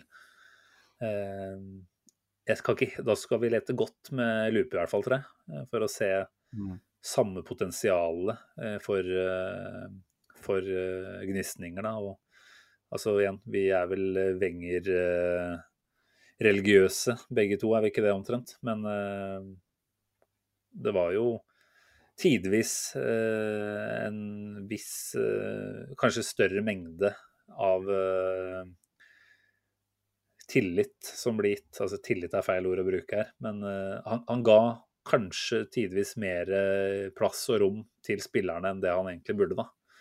Mm. Også på denne måten. Kan ikke klare helt å se for meg at Arteta både hadde sett på og tillatt at noe sånt hadde skjedd. Men eh, ja. Jeg tror at vi er ganske ganske safe med en Ødegaard i kapteinsrollen som, eh, som alle virker å ha ganske god forståelse for. Det er vel noen, har jeg sett på Twitter, som har klart å spekulere seg fram til at Chaka må være ganske pissed på Ødegaard. Eh, Med tanke på at han er de facto kaptein som leder han i teamtalken. Men jeg tenker at igjen, når du har Igjen, det er ikke for å ta vekk noe fra eh, Wenger, dette her, men en så, i mine øyne nå, da, solid og tydelig ledertype som Arteta er fra toppen av, så, så finner de andre sin plass. Uh, ut ifra måten han håndterer det på. Da. Så veldig, veldig, veldig lite bekymra for eh, at noe i nærheten av det vi så da, skal gjenta seg med den gjengen her. Selv ikke om, uh, gud forby, vi får et beinbrudd og et uh, skikkelig skikkelig mentalt setback uh, i mars, når vi spiller en eller annen drittbortekamp. Det er vanskelig, det er vanskelig å vi skal ikke bruke så mye mer tid på det, men jeg syns det er vanskelig å forstå liksom, tankegangen til Wenger i det øyeblikket han utnevner uh, Gallas. Altså, du har da åpenbart en Gilberto som føler seg snytt, som har en høy standing i spillergruppa. Og så har du en Colo Touré, som er den andre store Invincible-spilleren som er igjen, som hater Gallas. Eh, det har han jo uttalt, nesten. Eh, hater er sterkt ord, da. Jeg vet at det blir noen som ikke liker det begrepet, men han, de, de, var ikke venner. og jeg skulle gjerne vært flue på veggen den kampen når både Gallas og Toré kom for sent til andre omgang fordi at Galla satt på dass, og Toré var overtroisk for at han måtte alltid være sistemann på banen. Så begge, begge fikk gult kort! Kom for sent. Var det hjemmekamp mot Liverpool, eller husker jeg feil da? Det tror jeg kanskje kan stemme, ja. ja. Det var iallfall en hjemmekamp, og det var rundt den tida der. Eh, den 3-0-matchen. Ja, hvor Colo Toré skåra. Han skåra. Overtroen hjelper den. Det var, eh, det var, gøy, altså. Eh, selv om det der da føltes Du så liksom Gallas løp, og så Toré liksom en halv meter bak. Og du så det ble veksla noen meldinger der. Ikke fordi han er bodyguarden hans. men, men, hva sa Wenger om dette her, da? Kapteinsutnevnelsen? I den grad du det, husker noe om det? Det husker jeg dessverre ikke. Nei. Nei jeg spør deg bare fordi jeg veit du er et leksikon, Magnus. Ja, bare... Nei, det, jeg husker ikke helt hva han sa. Men, men ja, jeg husker, husker, ganske mye fra den tida. Og um, da har vi jo kommet oss gjennom Birmingham-matchen. Eh, som du sier, der burde vi ha klart å eh, komme i oss. Eh, det var ikke slik at det ikke var øyeblikk underveis resten av sesongen hvor det kunne ha snudd. Eh, vi kan jo ta Liverpool-matchen i ja. Champions League. Men kan vi snakke om den kampen mot Bolten, please? Vi skal ta den nå. Ah, ja, okay. Eh, men det Liverpool-oppgjøret nå, eh, hvor hvor vi delvis blir bortdømt. Eh, men også, vil jeg jo si, etter at Adebayor da setter inn den skåringa på Anfield, eh, hvor eh, Theo Walcott reker Duracell igjen og bare mm. blåser gjennom Liverpool-forsvaret, som han gjorde med Milan-forsvaret tidligere den, den, samme sesongen, så, så var det jo sånn at man hadde på en måte ikke trengt å havne i den situasjonen at man må, må uh, felle Babel der, i den grad man gjorde det. Uh, man slipper den jo altfor lett gjennom. Og det er jo igjen et sånt symptom for det man på den tida kalte et for ungt lag som ikke var modne for, for oppgaven. Da. Men jeg ser jo, for å ta den parallellen igjen, da uh, Enn så lenge så er det vanskelig å se at, at det laget vi sitter med i dag, ville gjort det. Ja, kanskje. Eller forhåpentligvis. Ja, forhåpentligvis. Jeg, jeg har ikke lyst til å kaste navnet under bussen her, men er det en jeg kunne ha sett for meg at gjorde akkurat det, så er det jo Gabriel. Altså type stopper-Gabriel. Mm. Uh, og det sier jeg jo ikke for å være kjip, men han har allerede nå vist at han har den kjipe enden til å være litt heit i toppen og kaste ut et bein som han ikke bør. Eh, så akkurat den lille faren der, den, den, kan jeg se for meg at dukker opp eh, på et eller annet tidspunkt eh, når men, det skal Hæ? Ja, Nei, men Hadde Babel vært i Arsenals straffefelt rett fra avspark på den måten ja, det er et godt poeng. Nei, hvis Thomas, Thomas Party spiller, så hadde han kanskje ikke det. Nei, for jeg syns det var jo et symptom på mm. mye som gikk galt med Arsenal på den mm. tida. At man ikke klarte eh, å stå distansen i sånne matcher. men når man først hadde en fordel, så klarte man å rote det bort. Det ser jo òg i, i Chelsea-kampen noen måneder senere, på, når vi leder 1-0 og det er en kvarter, og så skårer Drogba 2, og så vinner Chelsea. Igjen en kamp hvor hvis Arsenal hadde vunnet den, så who knows. Mm. Uh, vi hadde i hvert fall blitt nummer to. Uh, det blir jo faktisk nummer tre. Uh, den er jo den jeg har nest på lista her. Og så er det United-kampen Vi kan ta Bolten først, da. Så, den ville du snakke om, Simen? Den fulgte jeg med på VG Live. Aldri Jeg har vært så glad tidligere òg, men det å se den opphentinga der eh, gjennom VG Live, det er i hvert fall den beste VG Live-opplevelsen jeg har hatt, som jeg kan huske. Eh, og så husker jeg så de eh, høydepunktene etterpå. De gikk jo på repeat sikkert 150 ganger de neste dagene der. Det, hele det Altså, der vi var kall det litt mentalt ute å kjøre da, i en del kamper og fikk marginer imot i veldig mange situasjoner. Eh, så var jo den bortekamp mot Bolten også liksom den perfekte møkkakampen en ganske lang stund. da, Når du havner under 2-0. Abu Dhabi ryker jo med rødt kort der. For, så vidt fortjent, så det var ikke noe å diskutere på det. Eh, drittvær. Eh, Rebook Stadium var jo ikke noe favorittsted på den tida der. Jeg husker ikke om Allardyce var der akkurat da, men eh, Det tror jeg han var. ja, det var i hvert fall mye som lå til rette da, på det tidspunktet der i kampen for at den endelige spikeren i kista, kan man kanskje si, eh, skulle komme, da. Med tanke på Arsenals eh, tittelmuligheter. Men den opphentinga der, eh, og den kulminerer jo med Fabregas avslutning som går klink-klank mellom to eller tre Bolton-spillere før den eh, tipper over. Jeg kjenner jeg skal se disse høydepunktene igjen når vi har logga av. Bare fordi det var en Mm. så nydelig eh, sak. Eh, da husker jeg at jeg trodde ganske sterkt på at dette her kan gå veien allikevel. Mm. Det var eh, selvfølgelig bare teasing eh, på høyt nivå eh, når man ser det i ettertid, men eh, nei. Det var eh, Jeg husker det var rekka rett før deg. Det var jo da ikke sant? Det var den femkampersrekka, eh, og så var det Bolten borte. Og liksom tenkte at her Mm. skulle det faktisk snu, da. Men eh, det gjorde det jo ei. Ja, og Da er det jo interessant det som eh, Bakari Sagna og flere har sagt i ettertid, da, at, eh, eh, at troen forsvant i garderoben eh, på St. Andrews. Og en opptur som det Mm. var ikke nok til å, å snu det. Um, så kan man også si at hvis vi hadde gått videre i Champions League da, eh, på Anfield der, så er det ikke sikkert det hadde vært nok heller. For at det var noe som fundamentalt røyk i, i denne garderoben. Eh, jeg har liksom sånn, Når tida har gått, så har jeg tenkt at ja, ja, men herregud. Én match, et beinbrudd. Eh, men når man liksom dykker litt dypere ned i materien, så ser man jo faktisk at jo, den Birmingham-matchen den ble Mm. eh, rett og slett helt fatal for eh, det eh, Ikke bare det, den sesongen, men alt som fulgte i ettertid. Det skal vi også komme litt inn på. Um, jeg tenker for å bare avslutte eh, den, eh, det segmentet som jeg for så vidt har titulert i, Word-dokumentet mitt her, 'Øyeblikk hvor det kunne snudd', eh, var jo da også United-kampen i, i april, hvor det var rett og slett en seriefinale. Dessverre så var Bakari Sagna ute, Flamini var ute, Rosiski var ute. Og det var jo et undervurdert element der. Rosiski forsvant jo ut i januar.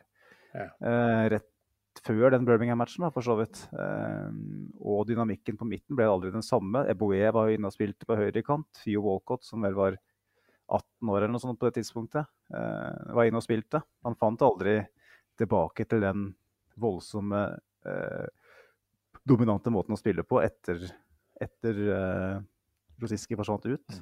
Eh, så da gikk, gikk vi også inn i den United-kampen på borte eh, med Alex Song på midten, eh, som på det tidspunktet var langt unna ferdig Ja, utvikla. Eh, Eboe starta.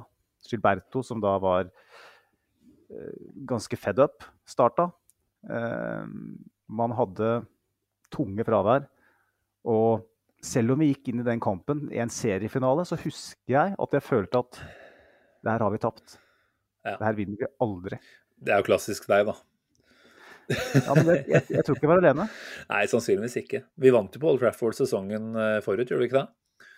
Det stemmer, det. Så det er klart, med det eh, igjen, i den grad det betyr så mye, da, så kunne man jo trodd at det var en, en tro i den gjengen her på at det kan vi gjenta.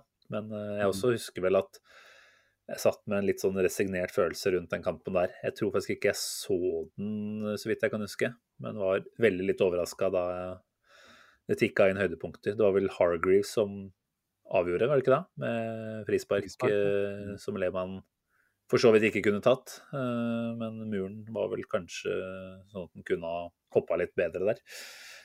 Nei, jeg tror vel du har rett i at det var eh, mange litt sånn hengehoder eh, også i Arsenal-miljøet før den, altså. Og det er jo helt utrolig når man tenker på hvilken utrolig posisjon man da var i med de kampene som var etter United. Det, da handler det bare om måte, å Mm. finne en eller annen måte å vinne på. Eh, om det er så stygt eh, så det ikke ser ut i dagslys, så gir, gir man blanke i det. Eh, jeg vet ikke, Var, var det Lehmann som sto i den kampen? Ja. Jeg mener å huske at det var Lehmann. I alle fall så var det jo Et annet viktig aspekt her var at Almunia var førstekeeperen vår denne sesongen. her. Eh, og vi var vel ganske enige om det.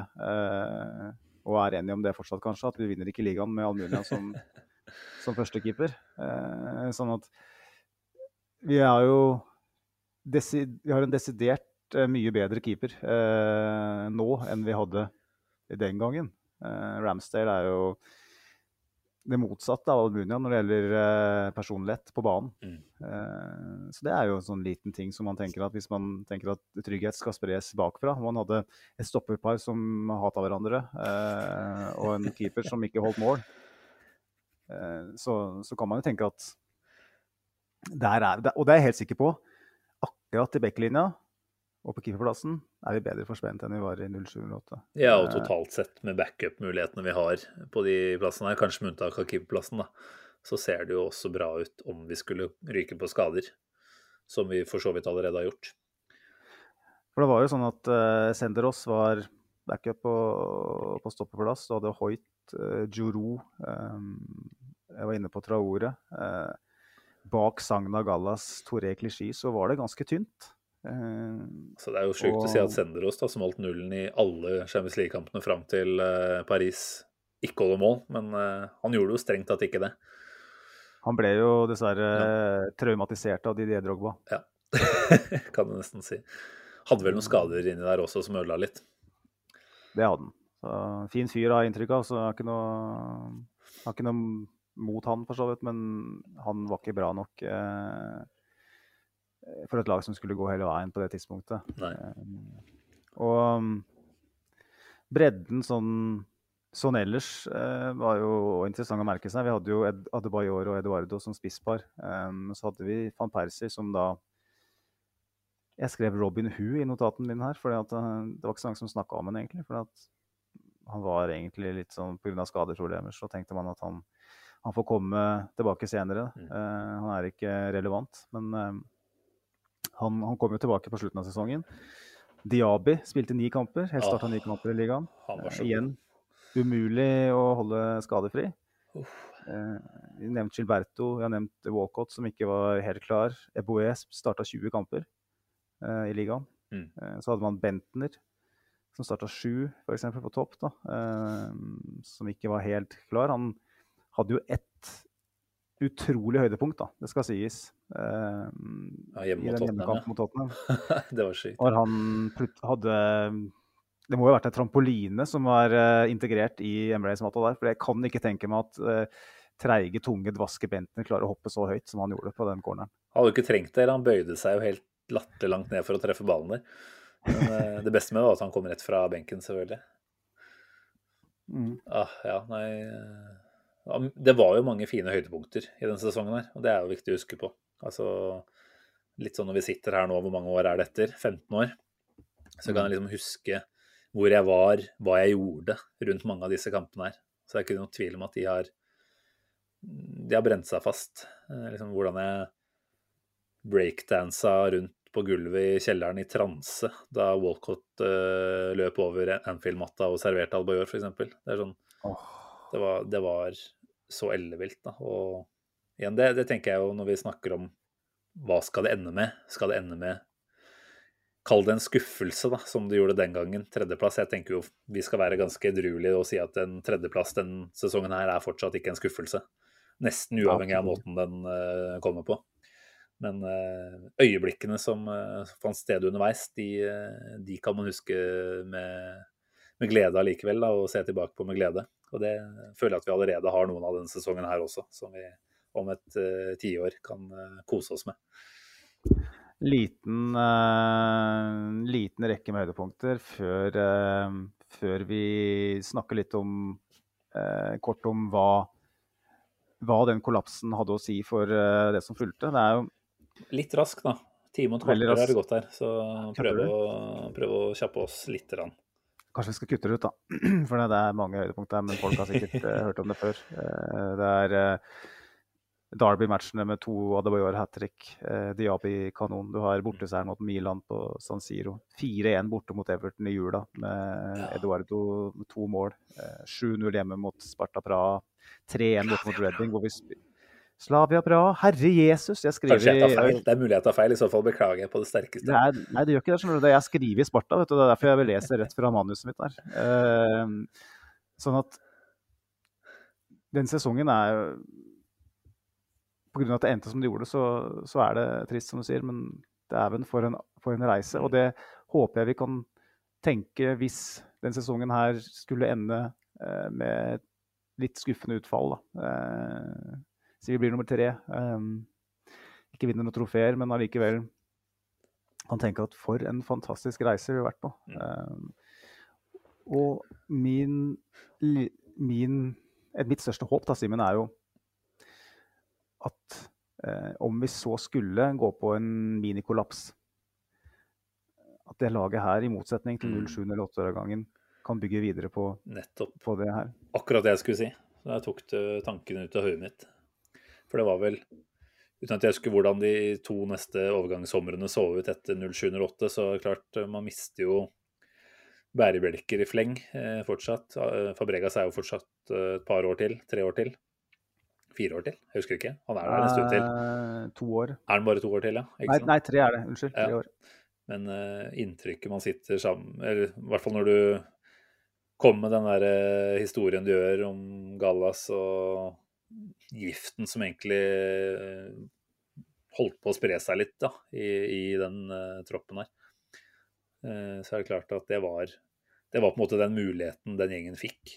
Mens hvis dagens gjeng ikke skulle gå til topps, noe jeg ikke kommer til å være lei meg for hvis vi ikke gjør. Eller Jo, lei meg, ja, det gjør jeg. Men, eh, men, men, her er det folk som er helt med på at dette her prosjektet, det kommer bare til å bli sterkere og bedre de neste årene. Eh, nei, jeg føler meg veldig, veldig trygg på at vi ikke får noe situasjon hvor uh, dette skulle ramle sammen. Altså, selvfølgelig, vi vet ikke hva fremtiden bringer. Vi vet ikke hvordan mennesker og relasjoner utvikler seg, men uh, jeg syns at det virker som det er så stålkontroll på alt som er lagd av grunnlag her nå av Arteta. Det er selvfølgelig litt tilfeldig at vi er på topp, og at vi er såpass sterke som vi er allerede nå, men mm. det kommer ikke tilfeldig heller, da. Dette er uh, harde avgjørelser og kjempesolid jobbing over, over et par år nå, som gjør at vi er der vi er i dag. Så fundamentet er på plass, og vi fortsetter å bygge og bli enda bedre de neste åra. Ja, for 07-08, for alt det fantastiske vi opplevde denne sesongen, var på en måte slutten for Wenger som eh, en titteljager, mm. eh, føler jeg. Og um, et viktig element her, da, før vi avslutter, syns jeg er å ta med, er at på det tidspunktet så var Wenger eh, rett og slett kontraktsforplikta til å selge spillere eh, med Bank of England. Sånn at eh, hvis vi syns noen av avgjørelsene hans er litt rare, så kan vi kanskje tenke at var det måten hans for å presse en spiller ut av klubben på? Mm. Adebayor-kontrakten, som var en saga som endte med at fyren gikk. Mm. Takk og lov for det, kan vi kanskje si. men en spiller som var god. Han skåret 30, 30 mål denne sesongen der i Premier League. Det er sjuke tall han valgte å gi Gallas uh, støtte når det var uh, feide mellom han og Toré. Mm. For han visste at Toré fikk man litt igjen for fra Manchester City, sannsynligvis. Uh, så han tok avgjørelser som jeg tror en Wenger med kapital ikke ville gjort. Mm. Og Arteta er ikke i en sånn situasjon som det Wenger var. Um, han hadde en David Dean som var ute, og det var kaos i klubben. Det var hvem skulle ha hvilken hatt. Rett og slett. Enten at han måtte ta alle hattene. Mm. Uh, mens nå har vi en mye mer settled organisasjon uh, og en eh, sportslig ledelse som gjør at vi Og det er på en måte det som gjør meg mest glad nå. Jeg tenker at det er ingen grunn til at vi skal kunne eh, ende i samme situasjon som, som vi gjorde det Nei. den gangen. Det er fin eh, avslutning på det segmentet her, da. Yes, Simen. Da tenker jeg at uh, vår lille nostalgitripp uh, er ved veis ende. Lille der, ja. Den ble Mindre enn kunne blitt, for å si det sånn. Men ja, det eh, jeg, jeg, vet ikke om vi kan eh, love noe som helst, men jeg håper jo at vi kan gjøre det her igjen. Jeg syns det her er kjempegøy. Vi er jo ikke helt uh, When We Were Kings-nivå, men jeg syns jo når du har når du har gjort en så solid jobb i forkant, så blir det ganske bra, dette her, altså. Håper at det er lytteverdig. men vi avslutta jo for så vidt med en liten trist kollaps. Eh, men det vi skal snakke om nå, er igjen enda mye tristere. Da. Det er tilbake til VM, det, Simen, så vidt det er. Eh, ikke veldig mye, vi har fått noen spørsmål. Og jeg syns vi skal ta oss bryet, rett og slett, med å besvare noen av dem. Det er bare en glede. Skal vi bare gå løs på det uten å tenke så veldig mye kronologi her? Lars Lunde han har stilt flere spørsmål, men eh, det første spørsmålet han stiller er hvilken Arsenal-spiller kommer tilbake fra VM med mest hevet markedsverdi? Mm. Kan du tygge litt på, Simen? Den er spennende. Eh, skal jeg tygge litt, eller skal du, skal du komme med flere spørsmål på rappen? Nei, men tygg, tygg mens du prater, du. Ok, greit. Med mat i munnen. Eh, hvem er det som kommer til å spille mest av disse supergutta våre? Saka, kanskje? Han har jo allerede høy markedsverdi, vil jeg tro. Mm. Um, jeg føler liksom at altså, Martinelli sin stjerne eh, i Arsenal er jo udiskutabel. Eh, igjen litt avhengig av spilletid. Eh, ser det snakkes noe om at han kanskje skal starte på venstrekanten. Det ville overraska meg veldig. Uh, kan vel nesten ikke stemme. Så hvis man tar eh, forbehold om at han ikke spiller da, så mye, da er det vel fort gjort at man havner på Saliba. Dessverre. ja. Eh, og da kan jeg bare nevne spørsmålet til en annen lytter, eh, fra Morten Kleven, som rett og slett spør er det lov å håpe at Saliba ikke har tidenes mesterskap. Og begrunner det da med at han håper at kontraktsforhandlingene går så enkelt og greit som mulig for seg. Og det er vel kanskje der frykten eh, ligger, da, hvis man skal snakke om mark markedsverdi. Jeg ønsker ikke at den går opp på Saliba. Eh, trenger egentlig ikke at den går opp på noen av spillerne våre. Kanskje med unntak av Cedric hvis han hadde vært med. Det hadde vært greit. Men, eh, men altså, så lenge Arsenal har kontroll på de spillerne her, eh, så trenger man liksom mm. ikke at markedsverdien skyter altfor mye opp heller. Men eh, Saliba føler jeg ikke at vi har kontroll på. Selv om det snakkes godt om at både han og Martinelli og Saka nærmer seg forlengelser, så har det jo ikke skjedd ennå. Så ja, jeg både tror at Saliba kommer til å ha et såpass sterkt mesterskap at han skyter mest fart, og jeg frykter det. Ja, da er vi på linje sånn sett. Jeg, jeg, jeg har kommet med en liten joker fra sida her, og det er Matt Turner. Eh, som kommer si det en gang til. Matt Turner. Oh, ja, ja. La vel starte for USA. Eh, visst eh, stigende formkurve i Arsenal eh, den høsten her. Eh, selvtilliten hans tror jeg er ganske bra. Hvis eh, Han skal spille mot England blant annet når gruppespiller, skal han ikke det? Eh, så det kan jo godt hende at han poeng, altså. får en høyere stjerne. Han har jo ikke vært på den store scenen så veldig mye, han. Jeg føler jo Saliba sin markedsverdi allerede er gjennom taket, eh, basert på det han har gjort i Premier League. Vært den beste stopperen i Premier League denne høsten her, liksom. Ja. eh, så ja. Eh, jeg tror fort Matt Turner er en kandidat. Ja, nei, men Det er en bra shout-out. Ja. Jeg hadde egentlig ikke tenkt den, men uh, det gir jo mening. Andre, altså Ben White som kosta en halv milliard for et par år tilbake, har jo sånn sett allerede ganske etablert høy verdi, så kanskje vanskelig å legge til noe særlig der. Han kommer kanskje ikke til å spille altfor mye, han heller, dessverre. Mm. Men uh, nei. nei, jeg tror, tror du traff spikeren ganske bra på huet der, altså. Så har vi jo vår kjære Sivert Eriksen. Uh, Sivert Puss. Uh, Eh, som eh, stiller spørsmål som er eh, ganske interessant. Han avslutter med LOL til slutt, det skal sies, men han skriver håper vi Arsenal-gutta kommer langt i VM, eller spiller så lite som mulig og gjerne ryker fort. For her er det jo et, det er et spørsmål som er det, det er litt lett å si at jeg bare håper spillere kommer seg hjem tidligst mulig. Ja. For da er de friske og fine til, til Westham andre juledag. Men det er vel et par ting vi må tenke på her, Simen? Ja, og særlig et par spillere, kanskje. Altså, tenker Her må du ta med i betraktningen både fysiske eh, forutsetningene eh, og litt om hvilke forventninger eh, de ulike spillerne og lagene har inn mot mesterskapet. Jeg tenker først på en party. Der er jeg helt på linje med Nå var vi kanskje ikke Sivert på noen linje, han bare spurte. Mm. Men på party så er jeg i hvert fall på den linja at jeg tenker kom deg fortest mulig hjem. tre gruppespillskamper der blir brutalt nok i seg selv. Eh, vil ikke ha Ghana til noe sluttspill av akkurat den ene grunnen der. Eh, bortsett fra det så kunne gått Ghana gått hele veien for min del. Men eh, Party må hjem. Det er jeg helt enig i. Forventningene er jo heller ikke noe veldig, veldig høye der, tenker jeg. Så jeg tror ikke det blir en sånn gigaskuffelse. Men jeg tror de åpenbare to, da, og kanskje særlig Gabriel Jesus, men også Martinelli, da, eh, har behov for å komme et lite stykke lenger enn gruppespillet. Og man kan jo se for seg hvordan eh, hvordan eh, Ja, kanskje ikke en mental knekk kan eh, dukke opp her, men hvordan en reaksjon da kan bli dersom Brasil skulle La oss si at det blir en repetisjon da, av den ydmykelsen fra 2014. Noe i nærheten av det. Jeg tror ikke det, fordi Brasil-laget ser ganske bra ut. Men de, de, er nok heller typer jeg både unner og håper at det går gjerne hele veien, altså.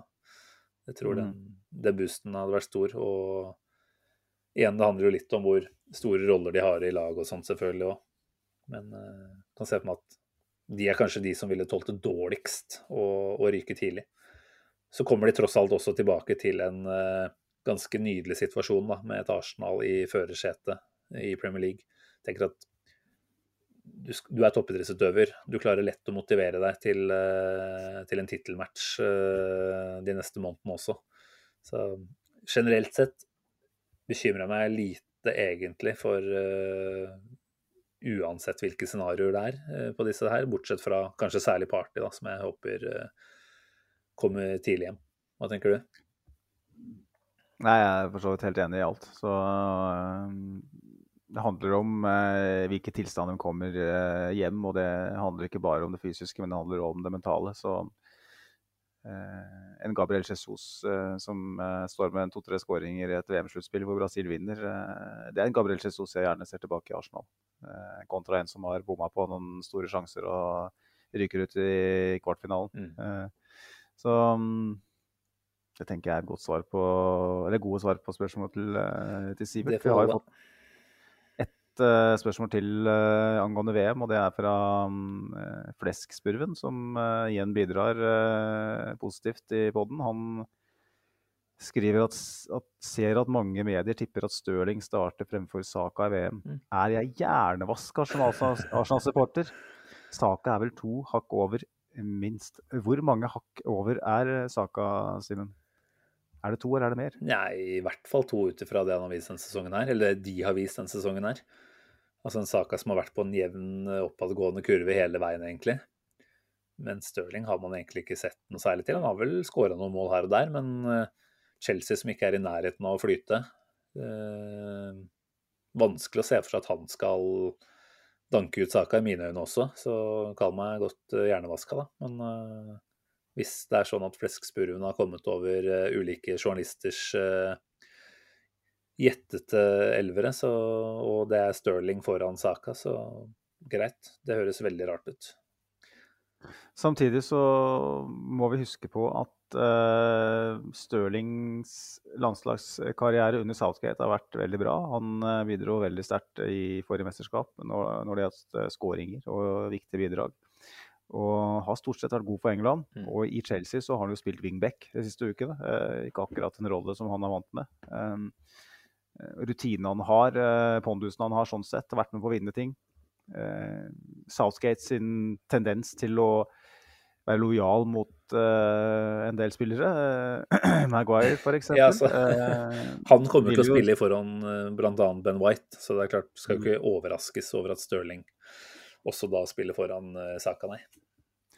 Men hvem er det som da spiller den eh, er det, For Stirling spilte på venstre en del i EM, gjorde han ikke det? Um, og er det Foden da, som skal inn på venstre, kanskje? Og Stirling på høyre. Ja. Um, Foden har jo ikke vært veldig god for England.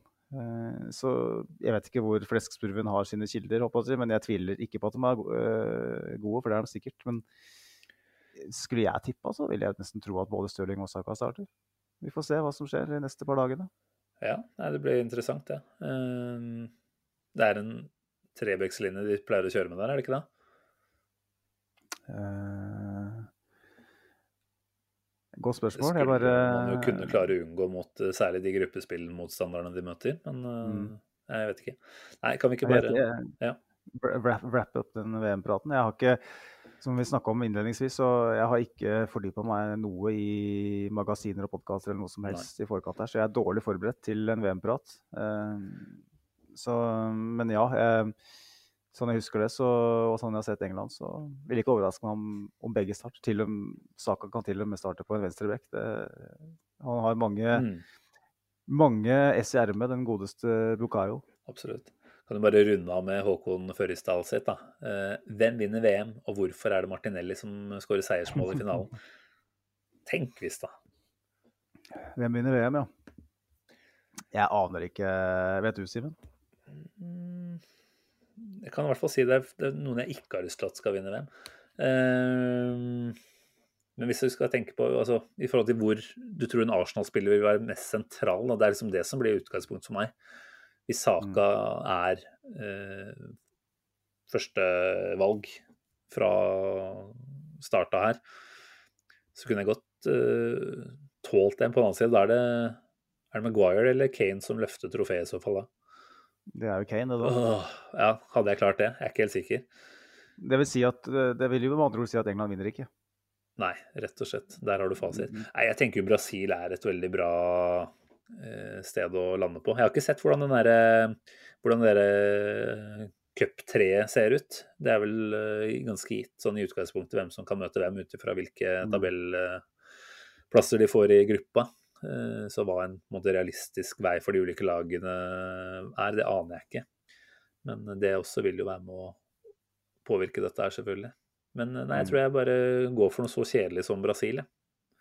Ja, da, da er vi på den. Eh, Dette her er som nevnt ikke podkasten hvis man har eh, spørsmål om, om hvem som skal vinne VM osv. For det, det har jeg ikke satt meg godt nok inn i. Man har jo en viss anelse, for man har jo fulgt med på landslagsfotball. Så, eh, og man vet hvem som spiller hvor. Eh, men det er ikke med, med, alle forfallene i Frankrike eh, Voldsomt mange. Jeg hadde Frankrike som storfavoritt, men nå forsvinner jo den ene stjerna etter den andre. Nå er Benzema ute òg, eh, Ja, så jeg. Og de har jo igjen Loris som eh, keeper og kaptein, så hvis det du sa for Kane også gjelder der, så blir det ikke noe gull der. Selv om han har vunnet før, da. Det skal sies. Det skal sies. Det skal sies. sies. Nei, vi, la oss eh, slutte å snakke om EM, da. Det holder, det. Åh, deilig. Yes. Eh, Det var et par spørsmål til, var det ikke det? Bare ta med Det de var- før vi runder her. Det var uh, flere spørsmål. Det var uh, Vi rekker ikke alle, men uh, Lars Lunde han er uh, framoverlent og ser fram til januar. Det syns jeg høres smart ut òg, og ikke tenke så mye på det som skjer akkurat nå. Nå har vi sett mye tilbake i den poden, og la oss nå se litt framover. Hvor mye er vi villige til å betale for uh, drukk? Og dersom det ikke blir han, hvem andre kan gå inn på høyrevingen? For det er jo ingen tvil, eh, Simen, om at eh, Mm. vi trenger en angriper i januar. Helt uavhengig av mine øyne av om Smith-Roe er Ja, ja, ja. Ja, vi må jo anta at Smith-Roe er tilbake etter hvert, men uh, hva slags kampform og sånt, det er jo en helt annen sak. Uh, Mudrik ser jo spennende ut, da. Han har gjort det bra i Champions League, men har vel ikke spilt mot de beste laga nødvendigvis der. Var vel i gruppe med Real Madrid, vet ikke om han gjorde det bra i de kampene der. Eh, ser jo kjempespennende ut, men det har jo blitt en sånn kjempehype da, som gjør at hva er det Mm. Shakhtar skal ha nå? 100 millioner pund eller noe? Eller euro? Ja.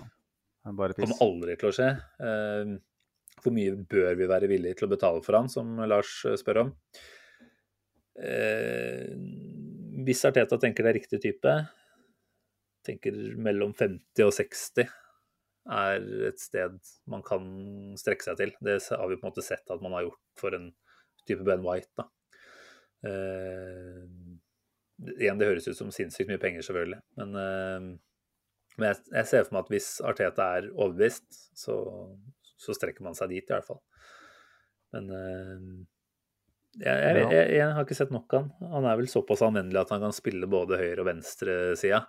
Og sånn sett både være et ganske solid backup-alternativ, men også en som kommer til å utvikle seg og legge enda mer press på, på de foran. da. Eh, Mm.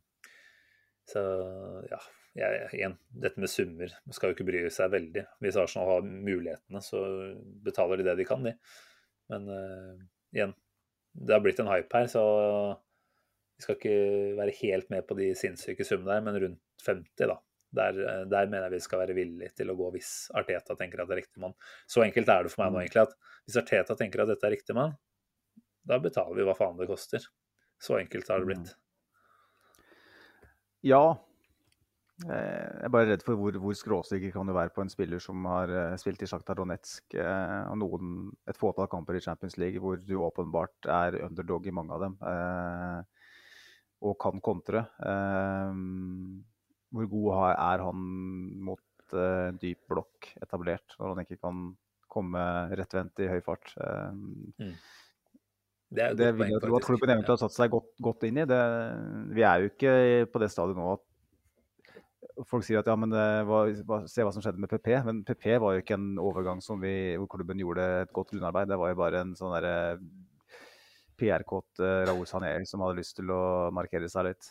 Uh, og på det tidspunktet var det lett å gjøre det uh, i Arsenal-øyne. Um, hvis Arsenal bruker 50-60 millioner pund på Mudrik, så er jeg helt sikker på at de har gjort et godt grunnarbeid. Men samtidig så tenker jeg 40-45 Veldig mye høyere enn det syns jeg er skummelt å gå for en ja. spiller med den bakgrunnen. Um, og hvem, hvem, vi kunne ha henta i stedet, så er jo det faktum uh, for min del at jeg ser ikke nok fotball fra andre ligaer til å liksom være noen ekspert der. Men jeg syns jo Trossard er spennende mm. med tanke på at han er ute av kontrakt til sommeren, har spilt masse Premier League etter hvert, presterer veldig veldig godt uh, for et lag som har noe fellestrekk med, med Arsenal um, spillermessig.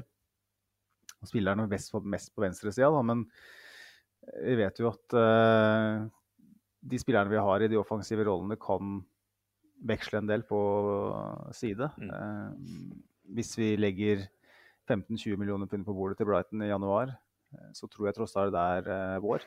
Ehm, med tanke på å skulle fullføre den sesongen her og det, i den posisjonen vi er, så, mm. så frister det veldig for meg. Også. Det, det, jeg vet jeg snakka om Trossard i, i, sommer også, ja, så det blir jo lett for meg å Fint eh, for så vidt å vise at du er konsistent, da. Jeg synes han er, jeg tror han kunne ha passa godt. Han har mye målpoeng i seg og i tillegg, og jeg føler det det trenger vi. Han kjenner Premier League, og vi trenger noen inn som umiddelbart har nivået. Ja. Jeg er redd Mudrik kanskje kan bruke litt tid, og det er naturlig. Um, vet ikke om du har noen navn, uh, Simen. Det er dårlig gjort å sette deg på spotten sånn sett, eh, men jeg har ikke noen veldig mange sjøl. Altså, hva som er realistisk og sånt, det aner ikke. Og det som jeg syns er litt gøy nå, er at mest sannsynlig så dukker opp en eller annen spiller som nesten ingen, eller kanskje ingen i det hele tatt har sett for seg. da det, igjen, vi vet hvordan Fabu Vera ble, ble lurt eh, fram fra hekken eh, uten at noen hadde fått med seg. Og jeg venter litt på en sånn type overraskelse, egentlig. Så kan man selvfølgelig ha noen drømmenavn. Jeg syns jo Trossard er veldig eh, grei på mange områder. Tikker jo kjempemange bokser, og særlig dette med å være klar fra første spark. Han er vel med i VM-troppen, han også, er han ikke det? Det regner jeg med. Det må han jo være, sånn som han har prestert nå. Men uh, foruten det, da, så bør han kunne være klar uh, omtrent andre juledag. Det kan han ikke, for da har ikke overgangsvinduet åpna nå. Men i hvert fall uh, no, noen dager seinere, da. Og faktisk prestere i Premier League med en gang. Og den syns jeg er viktig. Det er liksom vi skal ikke kjøpe hva som helst nå bare for å unnagjøre den sesongen her på best mulig måte, men han både sin type eh, aldersprofil og sånt, så kunne han gjort en jobb de neste to, tre, fire sesongene kanskje også. Og mm.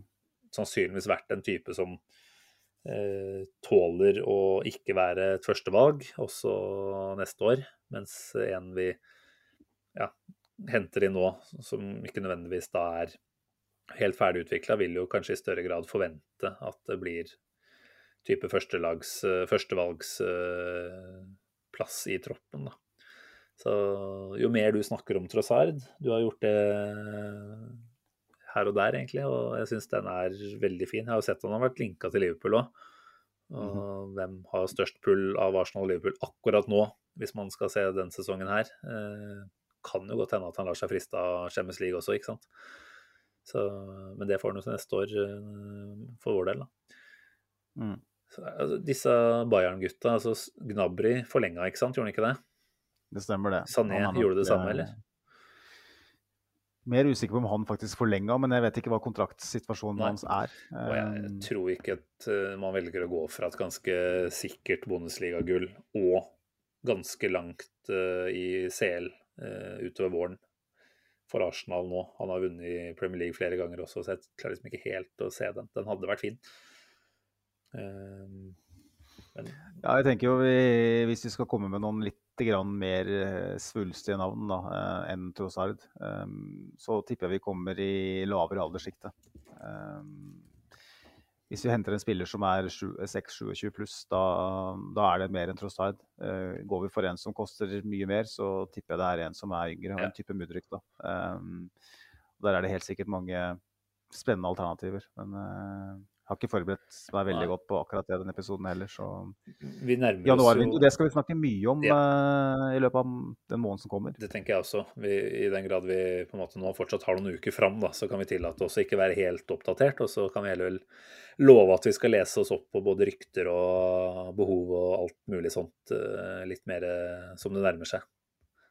Kanskje vi til Lars Lunde skriver han, uh, mulig jeg sa Mydryk i stad, eh, men det er Mudryk. Jeg vet jo, Lars Lunde skrev feil, jeg bare leste direkte fra han. og Nå, nå utleverer han selvfølgelig, men det er en gjort, ærlig Veldig dårlig gjort, merker jeg, men en ærlig feil. da. Eh, Men kan vi ikke ta med siste spørsmål til Lars Lunde, da? Han hadde tre, han. Deilig, fin Kinderegg. Eh, den syns jeg er litt artig, for det som Arsenal-nordmann så tenker vi alltid hvem nye som kunne kommet inn portene. Eh, han spør jo da dersom Arsenal skal investere i enda en nordmann, hvem skulle det vært? Eh, altså, hvor mange hvor, Gjerne det.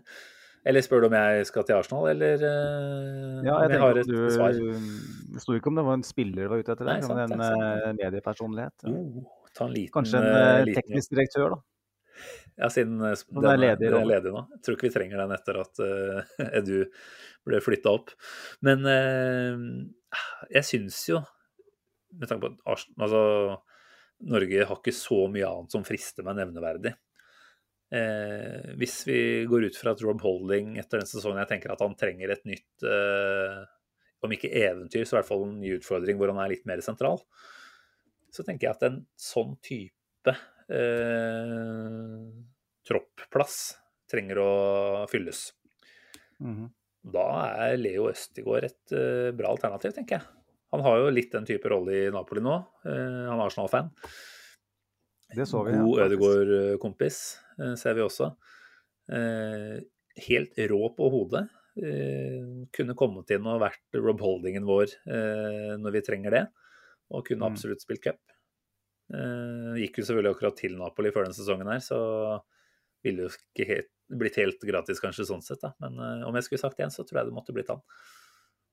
Få med han Kvarat Skelia i samme deal, da, så Da tenker jeg vi snakker. De sedlene tror jeg ikke vi har planer om å sende ned. Apropos, spill, apropos offensiv spillere jeg godt kunne tenke meg, som åpenbart ikke er mulig å få akkurat nå, så må jo han være nesten øverst på lista. Spennende type. Men ja. Skal vi ta noe mer, eller? Vi har vel fått ett spørsmål til, ja, om Skal vi Ja, vi tar den kjapt, da. Det være veldig kjapt, for nå Hvem håper vi blir hentet som backup til Party i januar? Kom igjen, Aha, det, kjapt. Backup til party. Eh, det det fins jo ikke. Han er jo en enhjørning, som man sier i England. En unicorn. Men ikke, Det har jeg ikke tenkt på, Simen. Jeg, jeg vet ikke. Jeg tror vi- helt det er ikke Tilemann som han foreslår, for Tilemann er en helt annen backup. type. Jeg eh, vet jo fortsatt ikke nok om han eh, Palmeira-spilleren, eh, som jeg ikke husker hva heter akkurat nå. Danilo. Han heter Danilo, ja. Mm. Men jeg tror nok en sånn type blir det vi henter. En som, hvis man har gjort scoutinga godt nok og har troa på at han kan gjøre en slags jobb allerede nå, eh, så er det fint. Men særlig en som kan utvikle seg veldig, veldig mye de neste to åra. Og sånn sett gjøre at vi tåler party eh, i større grad eh, ute de neste, de neste sesongene, da. Mm Eh, Han har jo en alderparty som gjør at han må begynne å fases ut, om ikke så altfor lenge uansett. Så jeg tenker vel at det er ikke kreativt av meg å foreslå Danilo, men uh, ryktene er jo ganske sterke, og Edu-linken er jo åpenbar der. Så jeg tror kanskje at det er navnet vi har peila oss inn på. Så kanskje vi får ut uh, fingeren nå i januar allerede. Ja, jeg, jeg, tror jo det er det viktigste vi kan gjøre i januar, tross um, alt snakk om angrep Eh, ja, angrepsspillere, så føler jeg at vi må ha inn en, en backup. fordi at jeg føler det er litt, nesten å tro litt på julenissen at Thomas Party skal holde seg skadefri ut sesongen. Um, og gjør han ikke det, så er ute i en lengre periode, så litt, er det ja. nesten å For å dra, trekke paralleller tilbake til 07-08, så tenker jeg at da, da kommer vi ikke til å stå distansen. Nei, nei da, vi har vel snakka nok om viktigheten hans, vi trenger ikke bruke så mye tid på det eh, nå. Men eh, da har vi i hvert fall svart på det spørsmålet også, Magnus. Bra jobba. Jeg håper vi kan bruke litt tid på å sette oss litt inn i targets og sånn i løpet av desember. desember. Uh, vi har jo brukbar oversikt over en del fotballspillere, jeg, jeg og du òg, Simen. Men sånn på on the spot så syns jeg det er vanskelig. For jeg har ikke brukt så mye tid på å tenke over hvem det skulle vært. Um, men det er jo nettopp det vi skal bruke nærmeste måned på. Da, for vi skal jo ikke se så jævlig mye VM, håper jeg. Så da, da, har vi god tid til å se på YouTube. Ja. Enig. Vi har en plan framover, vi. Uh, vi har vel litt mindre klar plan rundt akkurat når vi podder framover. Uh, vi prøver jo å holde oss til den uh, rutinen vi har på søndag kveld innspilling og ut mandag morgen. Men vi kan ikke love noe framover, Magnus. Eh, tar det litt som det kommer. Og så skal vi bare lade Arsenal-batteriene våre så godt vi kan nå de neste dagene. Og jeg kjenner at eh, det hjelper litt på å prate om det, i hvert fall. Men jeg tror nok det blir ganske vonde abstinenser nå de neste ukene, altså.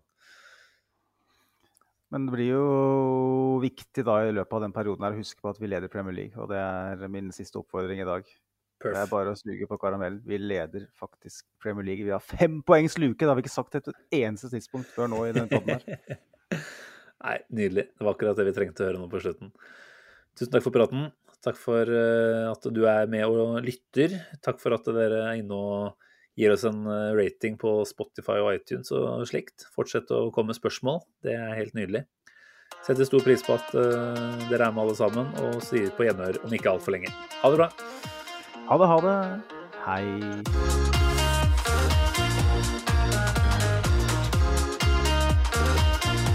This train terminates here.